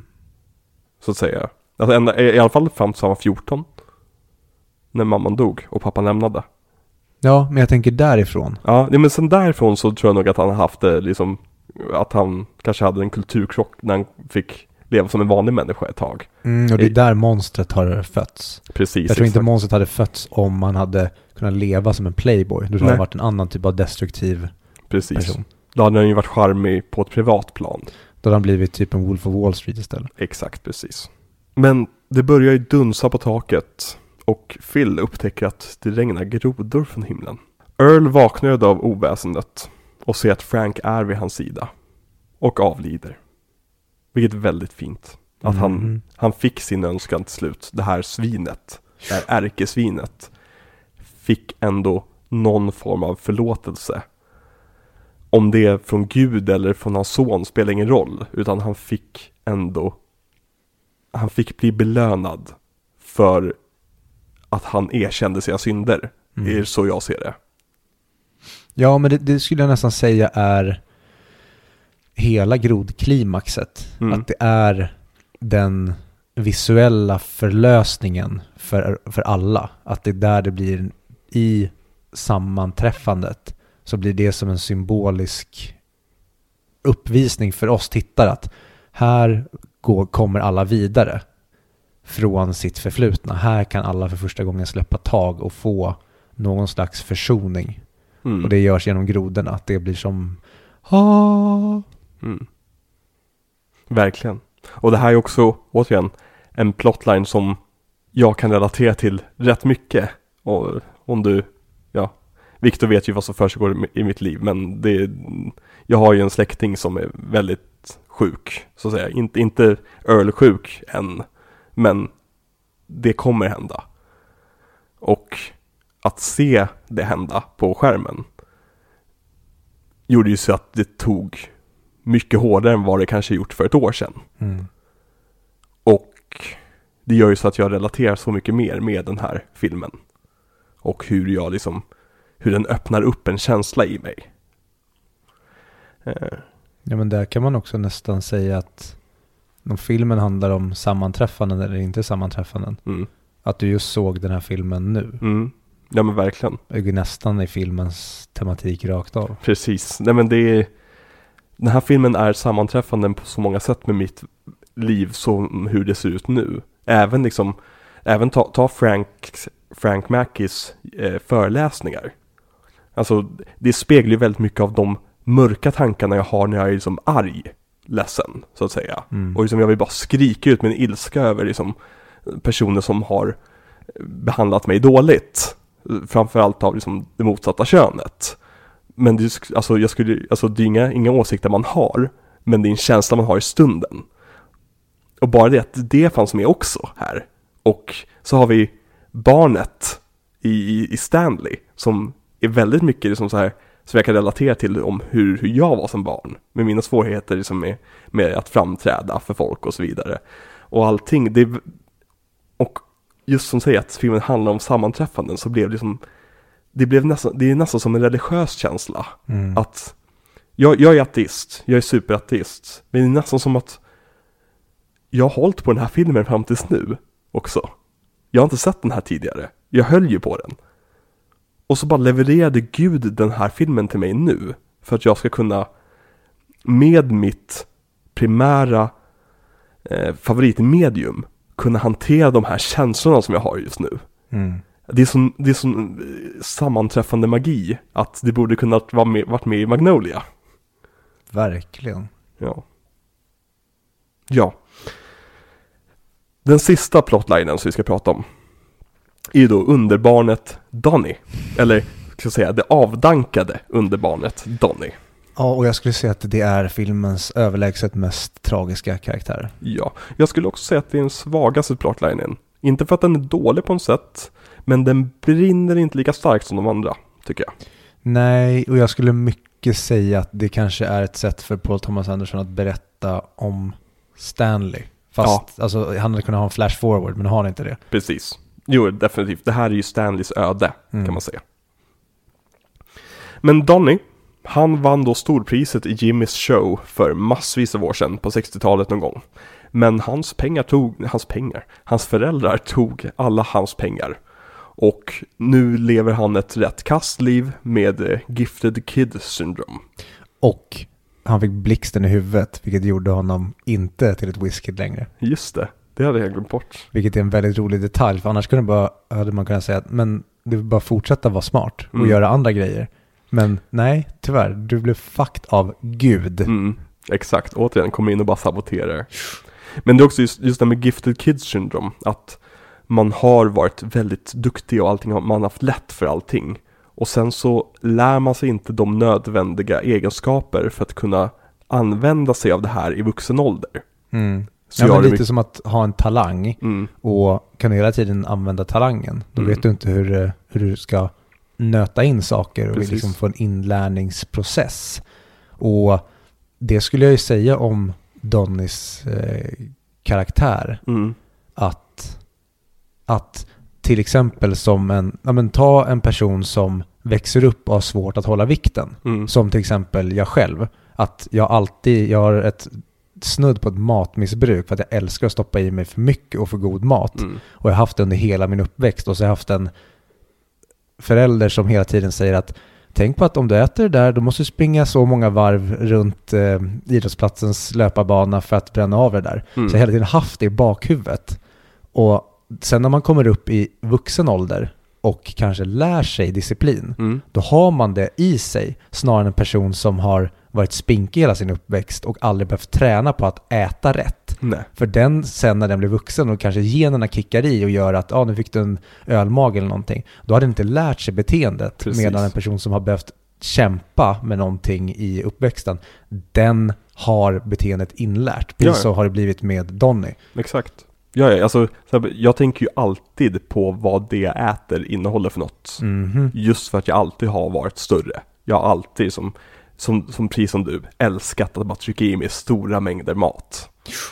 Speciellt mat. Mat är så jävla underbart. Ja men det är verkligen the devil's do Ja, i att det är så underbart och jag skulle nästan säga att så mycket av njutningen i livet handlar om att tugga på någonting gott. mm, ja men verkligen. Men samtidigt är det det också som i slutändan kan döda en om man Ja. inte behärskar det. Exakt. Ja men det, det är som personer som, som oss som älskar mat. Vi använder mat för att belöna oss själva. Men vi använder mat också när vi mår dåligt. Och vi använder mat för det ena och det andra och det tredje och det fjärde. Mm. Och till slut blir det så här. Men finns det något tillfälle där jag inte äter mat då? där jag inte ger mig det här extra målet liksom. Eller att jag lyxar till det liksom.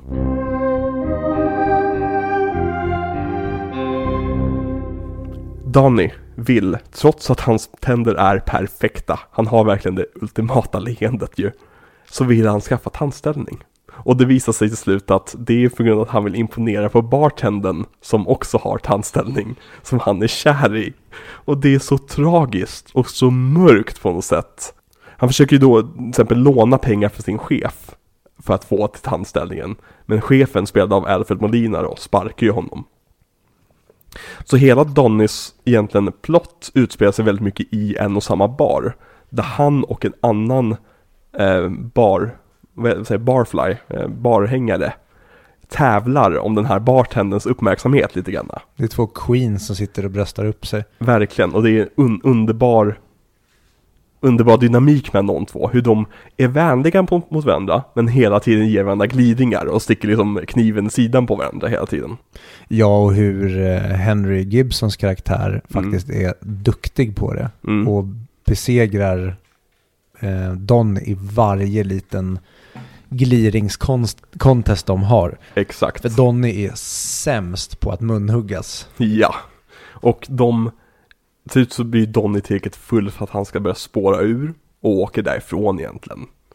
Och han har bestämt sig för att nej, jag tänker bryta mig in hos min chef. Och jag tänker stjäla hans pengar. Ja, och och ytterligare en aspekt av hela Donnys ark, det är den här sorgen i att han har förlorat sin gåva så han måste tro att han kompenserar på andra sätt. Mm, och det kommer ju ut sen i hans rage när han säger att mitt, jag heter Donny och jag har jättemycket kärlek att ge. Mm, ja, det är Så. så fint. Ja, och du har helt missuppfattat vad kärlek är. För du verkar tro att du ska fixa ditt yttre för att bli älskad. Snarare än att det handlar om att du ska vara en fin person. Mm. Men vi kommer till den biten. Eh, för innan han åker iväg för att stjäla pengarna så sitter han vid sitt matbord framför en gigantisk check som hänger på väggen med hans vinstpengar som han aldrig fick. Och han sitter där och sjunger It's not going to stop. Och den som inte förstått det, den som inte sett filmen, är att alla de här It's not going to stop händer samtidigt då. Det är egentligen Va? en stor knut, knytpunkt i filmen. Nej. Ja, visst är det. Men han lyckas med inbrottet. Det är nog det första saken han lyckas med på flera år. Men han ångrar sig typ direkt efter att stöten är genomförd och vill lämna tillbaka pengarna. Men eftersom han är en jävla klantskalle så har han råkat bryta av sin nyckel i låset till bakdörren. Och kommer inte in igen för att lämna tillbaka pengarna. Så det han försöker göra är att klättra upp för ett stuprör. Men när han klättrar upp för eh, stupröret så ser han polisen Jim krascha med sin bil och får snart själv en groda i ansiktet. Och han faller ner på marken och slår ut sina tänder. Den, den smällen gör så jävla ont. Ja. Och speciellt hur han ser ut efteråt. Mm. Och också så symboliskt i att han vill ha en tandställning, Mhm. fixa sina tänder. Nu kommer du behöva en tandställning. Och han får ju då hjälp av Jim. Och tillsammans så söker de då skydd under taket på en bensinmack. Och det är då just det han säger det som du var inne på tidigare.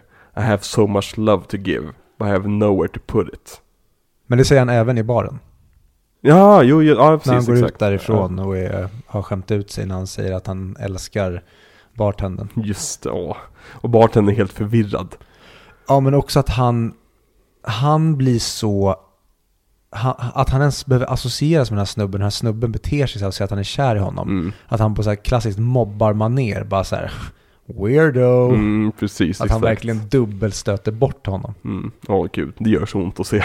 Åh, fan vilken sorglig karaktär. Ja, jag tycker så synd om den här karaktären på så många sätt. Mm.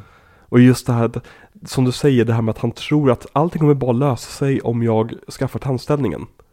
Och det är så här, återigen, återigen så känner jag igen mig själv. För att jag har också haft den här mörka tanken att allting kommer bara att lösa sig om jag går ner i vikt. Eller om jag tränar upp mina muskler. Eller om jag, har, får en bättre frisyr. Eller om jag fixar till mina tänder. Eller vad som helst. Och det, det kommer ju inte, det kommer inte lösa någonting. Utan det kommer ju bara ge dig en till check på listan. Men listan kommer ju sen ha andra saker att fixa till i alla fall. Mm. Ja men precis att det är nästan som Ja men ta så här, man, man ser, nu tar jag bara det som exempel för att jag ser aldrig killar som har smink. Mm. Men säg att du ser en tjock tjej som är jättesminkad Mm. och har jättefina kläder. Det är att, ja men istället för att du gör någonting åt dig själv så fixar du din yta. Mm. Men om du skulle göra någonting åt dig själv i form av att du skulle gå ner i vikt, då kommer det ändå inte lösa problemet. För att olyckan sitter inom dig. Mm. Och du försöker maskera någonting och det är verkligen maskera en gris. Mm. Det är det Donny försöker göra. Verkligen.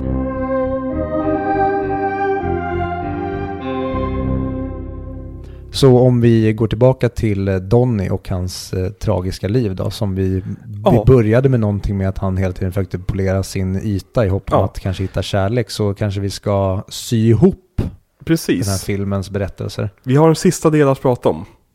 Som heter And so then. Som det står så fint på skärmen när det Mm. händer. I slutet så korsklipps alla stories med en voiceover som även var med i början. Vem är, någonting Jay heter han. Det är han som spelar producenten va? Exakt. Ja, Som är eh, fotografen i Boogie Nights. Precis, exakt. Och han är också med i Fargo va? Och jag minns Fargo, jag har bara sett Fargo en gång för länge, Ja, länge, länge sedan. kanske borde ha en Ben Affleck miniserie, alltså som regissör. Det är typ bara fyra filmer. Vänta, har Ben Affleck regisserat Fargo? Nej, jag men Argo. Ja, Argo. Jag tänkte så här, vänta. Han har väl inte regisserat tv? Nej, Argo. Ah, Fargo okej. är för övrigt en film. Ja, men jag tänkte på Med William. H. Macy. För För att jag knyta att- tillbaka säcken till Donny. För jag vet att Coen-bröderna, Coen? Eh, Coen-bröderna regisserat filmen. Mm. Men eh, tv-serien såg jag bara första säsongen av. En kul grej med Coen-bröderna. Vet du vem, vem det var som inspirerade Coen, eller Joel Coen att börja med film? Paul Thomas Anderson kanske? Sam Raimi. Jaha. När han klippte Sam Raimis Evil Dead. Mhm. Vad fan. Den är kul. Ja, och åh, fan. när man hör andra i andra pushar in i deras karriärer så blir Mm. man så jävla glad. Verkligen. Speciellt eftersom Coen-bröderna är briljanta. Ja, det är inte min eh, favoritkopp te när det kommer till regissörer, men eh, jag skulle aldrig kunna säga att de är dåliga på det de gör. Vi borde se Burn After Reading någon, någon kväll. Mm, aldrig sett. Har de, nej de har inte regisserat Babel. Babe? Babel eller Babel, Babel? Nej, det var väl Inarito? mycket möjligt. Ja. Hur som helst.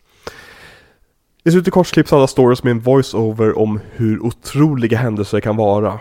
Hur osannolikt det kan verka att den ena känner den andra som känner den tredje och så vidare. Men att detta är något som händer. These things happen. They do happen. Och Frank får ett samtal från sjukhuset om att Linda är där. Och han bryr sig tillräckligt mycket nu för att faktiskt åka dit och vara hennes stöd. Mm. Vilket i, i början av filmen hade man ju inte ens tänkt tanken att de två skulle förenas på slutet. Nej. Stanley väcker sin pappa mitt i natten och ber honom att du får faktiskt vara snällare mot mig i framtiden. Men pappan säger bara åt honom att gå och lägga sig. Mm, det, det, det gillar jag också, Mm. för att jag tycker om väldigt mörka eh, slut. Att i en annan regissörs film, då hade pappan sagt I'm sorry. Mm, Men vi får inte riktigt det här. Men exakt, alla, alla stories får inte en, en logisk slutsats. Nej. Eller inte en, en, en, en bra slutsats kan man säga. Um, Donny erkänner för polisen Jim hur dum han har varit. Hur, som, hur dumt det är att försöka ändra sig för att någon ska tycka om honom. Mm. Eh, och det har vi redan gått in på väldigt mycket så jag kan hoppa över. Jims pistol faller då från himlen och landar rakt framför fötterna på dem. Och bägge går ju då in i butiken för att lämna tillbaka pengarna. Jim åker sedan hem till Claudia och säger till henne att han aldrig kommer släppa henne och att han lovar att vara ärlig om allt. Han säger att hon är en vacker och underbar person och att han inte kommer tillåta helt enkelt att hon pratar illa om sig själv på det sättet som hon har gjort tid- tidigare. Mm. Och att hon, han alltid kommer vara där för henne. Och Claudia vänder sig mot kameran och ler. Och Alex störtbölar. Slutet gott, allting gott. Magnolia. Som hade stått i en fransk film. Finn. Fin. Mm. Jag, hade, jag hade aldrig sett det när jag pluggade på Stockholms filmskola. Mhm. Så när en av mina klasskompisar hade gjort ett, ett projekt och avslutade den filmen med Finn. Mm. Så bara, va? Vadå fin? Vad betyder det? Va, hur jävla självgod får man vara? Mm. Att man har bedö- bedömt sin egen film som fin? Mm. Så, Det är lite fint faktiskt. Alltså bara sett ordet fin. Det är, så, det är kul bara för det där, det är någonting jag lärde mig på typ dagis för en anledning. Jag vet inte varför, men jag är ju som reflekterade över, jag tror att vi såg en typ Mr Bean eller någonting. Och att i slutet på en av dem, när han typ var i Frankrike, så stod det just Finn. Jag minns att jag reagerade på det, så vad betyder det där? Och så var det någon som berättade för mig, så jag gjorde alltid det i slutet på mina typ comic books jag ritade i plugget. Mhm. Att jag liksom sista rutan stod bara Finn. Och, och det är väldigt kul i Sharknado. De använder det på slutet och då blir det någonting helt annat. Eftersom det är en fin på ryggen. Alltså en, en fena. Mm. Ehm. Ja, Magnolia då? Vad tycker du om filmen? Ett av fem? Ja, två av fem på en bra dag. För jag tycker att man fick aldrig reda på vem var the bad guy. Exakt, var det butlern som var mördaren? Jag tror det. Mm, okej. Nej men, pff, alltså när, efter vi hade sett den så kände jag att det här är en klockren 9 av 10 för att jag, eh, hur mycket jag än ville så utelämnades mycket av det känslomässiga för mig. Mm. Och det tror jag för att jag blev så, alltså förväntningar, för att första halvan, precis, nu, jag kommer upprepa mig själv från Boogie Nights, första halvan är perfektion och jag sitter bara, oh my god, det här kommer vara den bästa filmen någonsin om alla tider. Mm. Men sen kommer det här lilla droppet. Och sen så tycker jag aldrig att vi hittar tillbaka till den, den, det gamla, eller den första halvans perfektion. Mm. Och just scenen när de sjunger tar mig väldigt mycket ur filmen tyvärr. Okej. Och då sitter jag och nästan till och tänker på att de sjunger snarare än att karaktärerna råkar synka i någonting Mm. kanske övermänskligt. Och det är väl det jag kanske känner är ja, men det som gör att där och då nådde den inte upp till en fullpoängare för mig. Mm. Men då var jag heller inte medveten om alla de här lagren och komplexiteten av det hela, utan det här var ju min spontana reaktion efter Mm. det. Jag bara satte ett betyg. Så skulle jag se om den idag tror jag definitivt jag skulle sätta 10 av 10 på den, även fast den har delar som jag inte tycker lika mycket om. Så är det just den här helhets, ja men det, det bibliska och det religiösa som nästan gör att jag går ner på knä och bara Paul, i can, I can be your slave for the rest of your life. Please. Verkligen. Nej men jag... Eh, jag sätter ju klockrent 5 av 5 på den här. 10 av 10. Det här är seglade...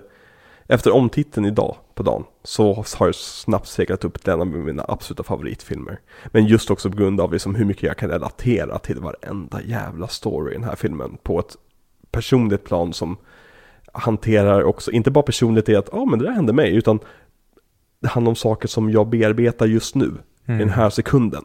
Hur perfekt placerad den här filmen var. Och det är någonting jag aldrig kommer glömma om den här filmen. Så jag sätter 11 av 10 på den här. Ja, fan vad nice. Jag eh, avundas är fel ord, men eh, gud vad glad jag är för din skull. Mm, Det- verkligen. jag älskar själv när de sådana där typer av, ja men när man hamnar i den typen av upplevelser. Mm, För det, det kan verkligen gå tillbaka till när vi pratade om liksom Gud. mm, Det kan verkligen, när, när sådana coincidences sker i ens eget liv och det blir nästan som att, men för att prata om Donny, det är nästan som att blixten slår igenom en fast Mm. det blir som en sköljning av varmt vatten. Någonting bara klickar som gör att det känns som att det finns någonting som är större än oss själva här och det har just nu råkat regna grodor på mig. mm. Ja men precis. Nej men det är, den här filmen är ett mirakel på alla sätt och vis.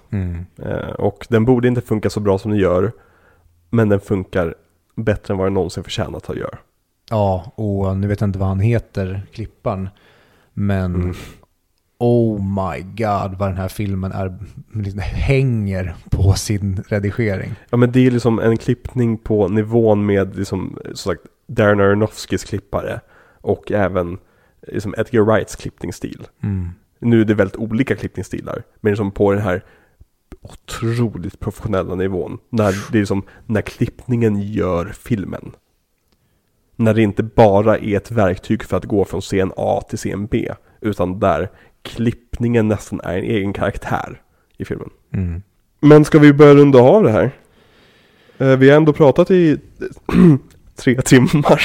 Ja men det är perfekt lika lång som filmen är. Ja, verkligen. Mm. Gud, jag sa ju att det här skulle bli vårt läng- längsta avsnitt någonsin.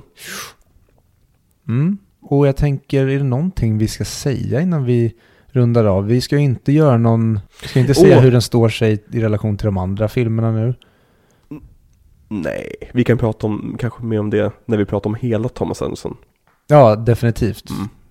Men det jag vill att du ska göra, det är det att jag vill, eh, vi har väldigt många nya patrons. Det var det jag tänkte komma till. Vad bra. Ehm, för jag ville bara få filmen ur vägen. Ja. Det tog oss bara tre timmar att komma till delen vi vill prata om, där tänker- vi snyltar pengar. Det finns jätte, jättemycket mer att prata om den här filmen. Vi kommer antagligen återkomma till den i andra miniserier och i andra filmer i den här miniserien. Men jag känner att vi har, vi har uttömt Magnolia på, på saker just nu i alla fall. Jag håller med. Och Mm. vi kommer säkert komma att, som vi gjorde i det här avsnittet, att prata om någonting vi kanske glömde i veckans avsnitt när Mm. vi kommer till eh, Punch Drunk Love nästa vecka. Exakt. Och även prata då om kanske vad som skedde efter Magnolia och vad som sen ledde upp till Punch Drunk Love. Vem är MVP? Tompa eller?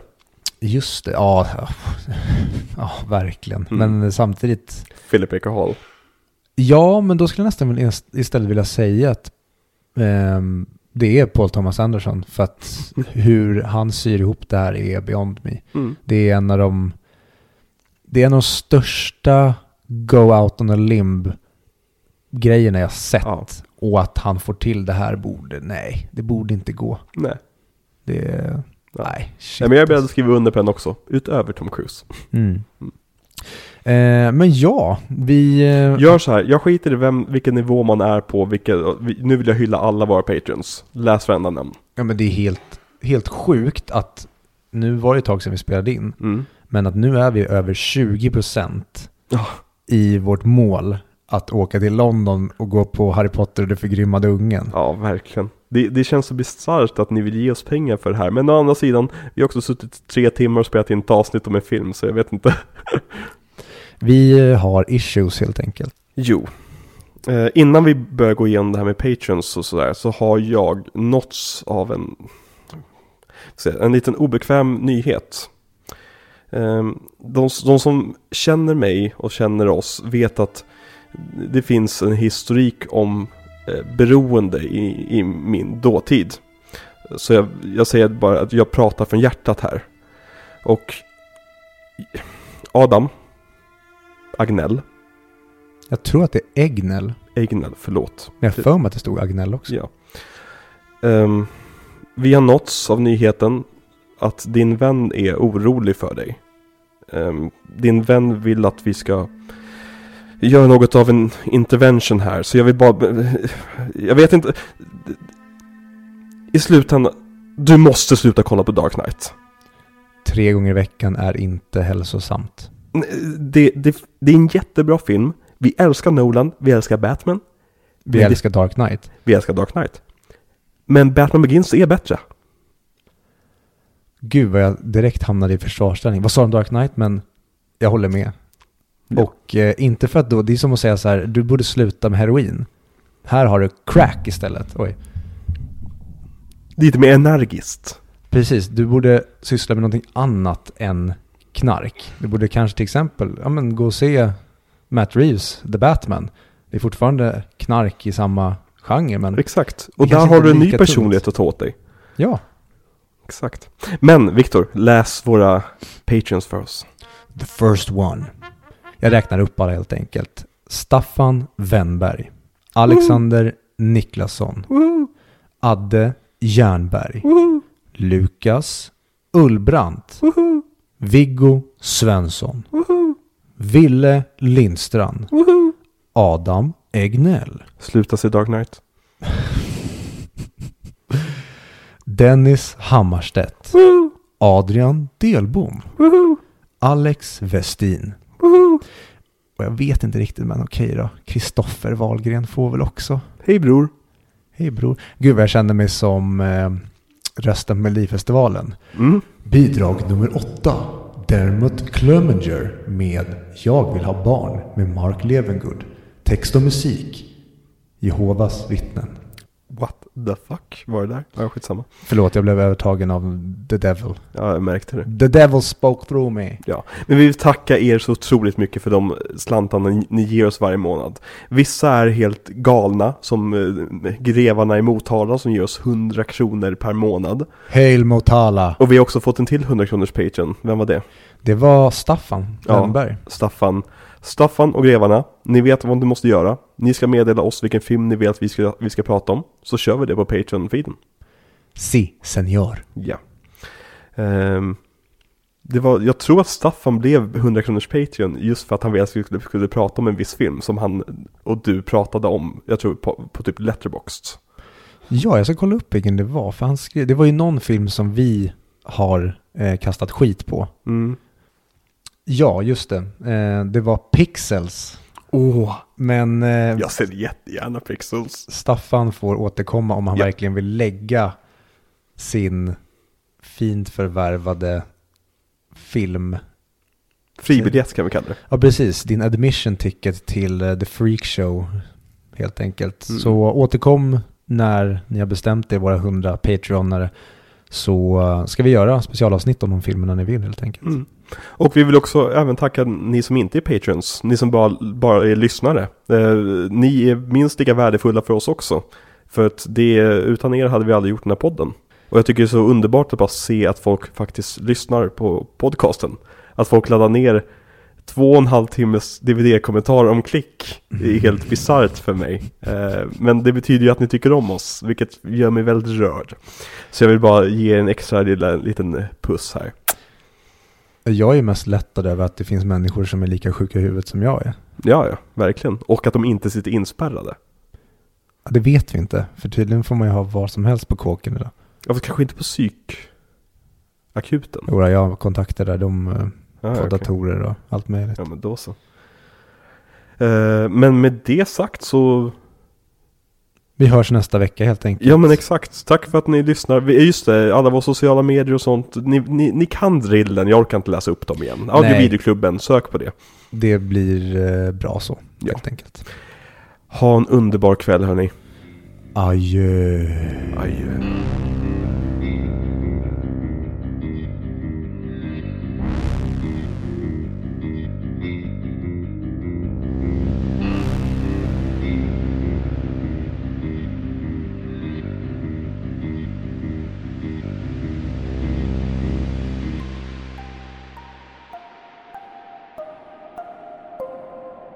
Becka, kan du stänga dörren?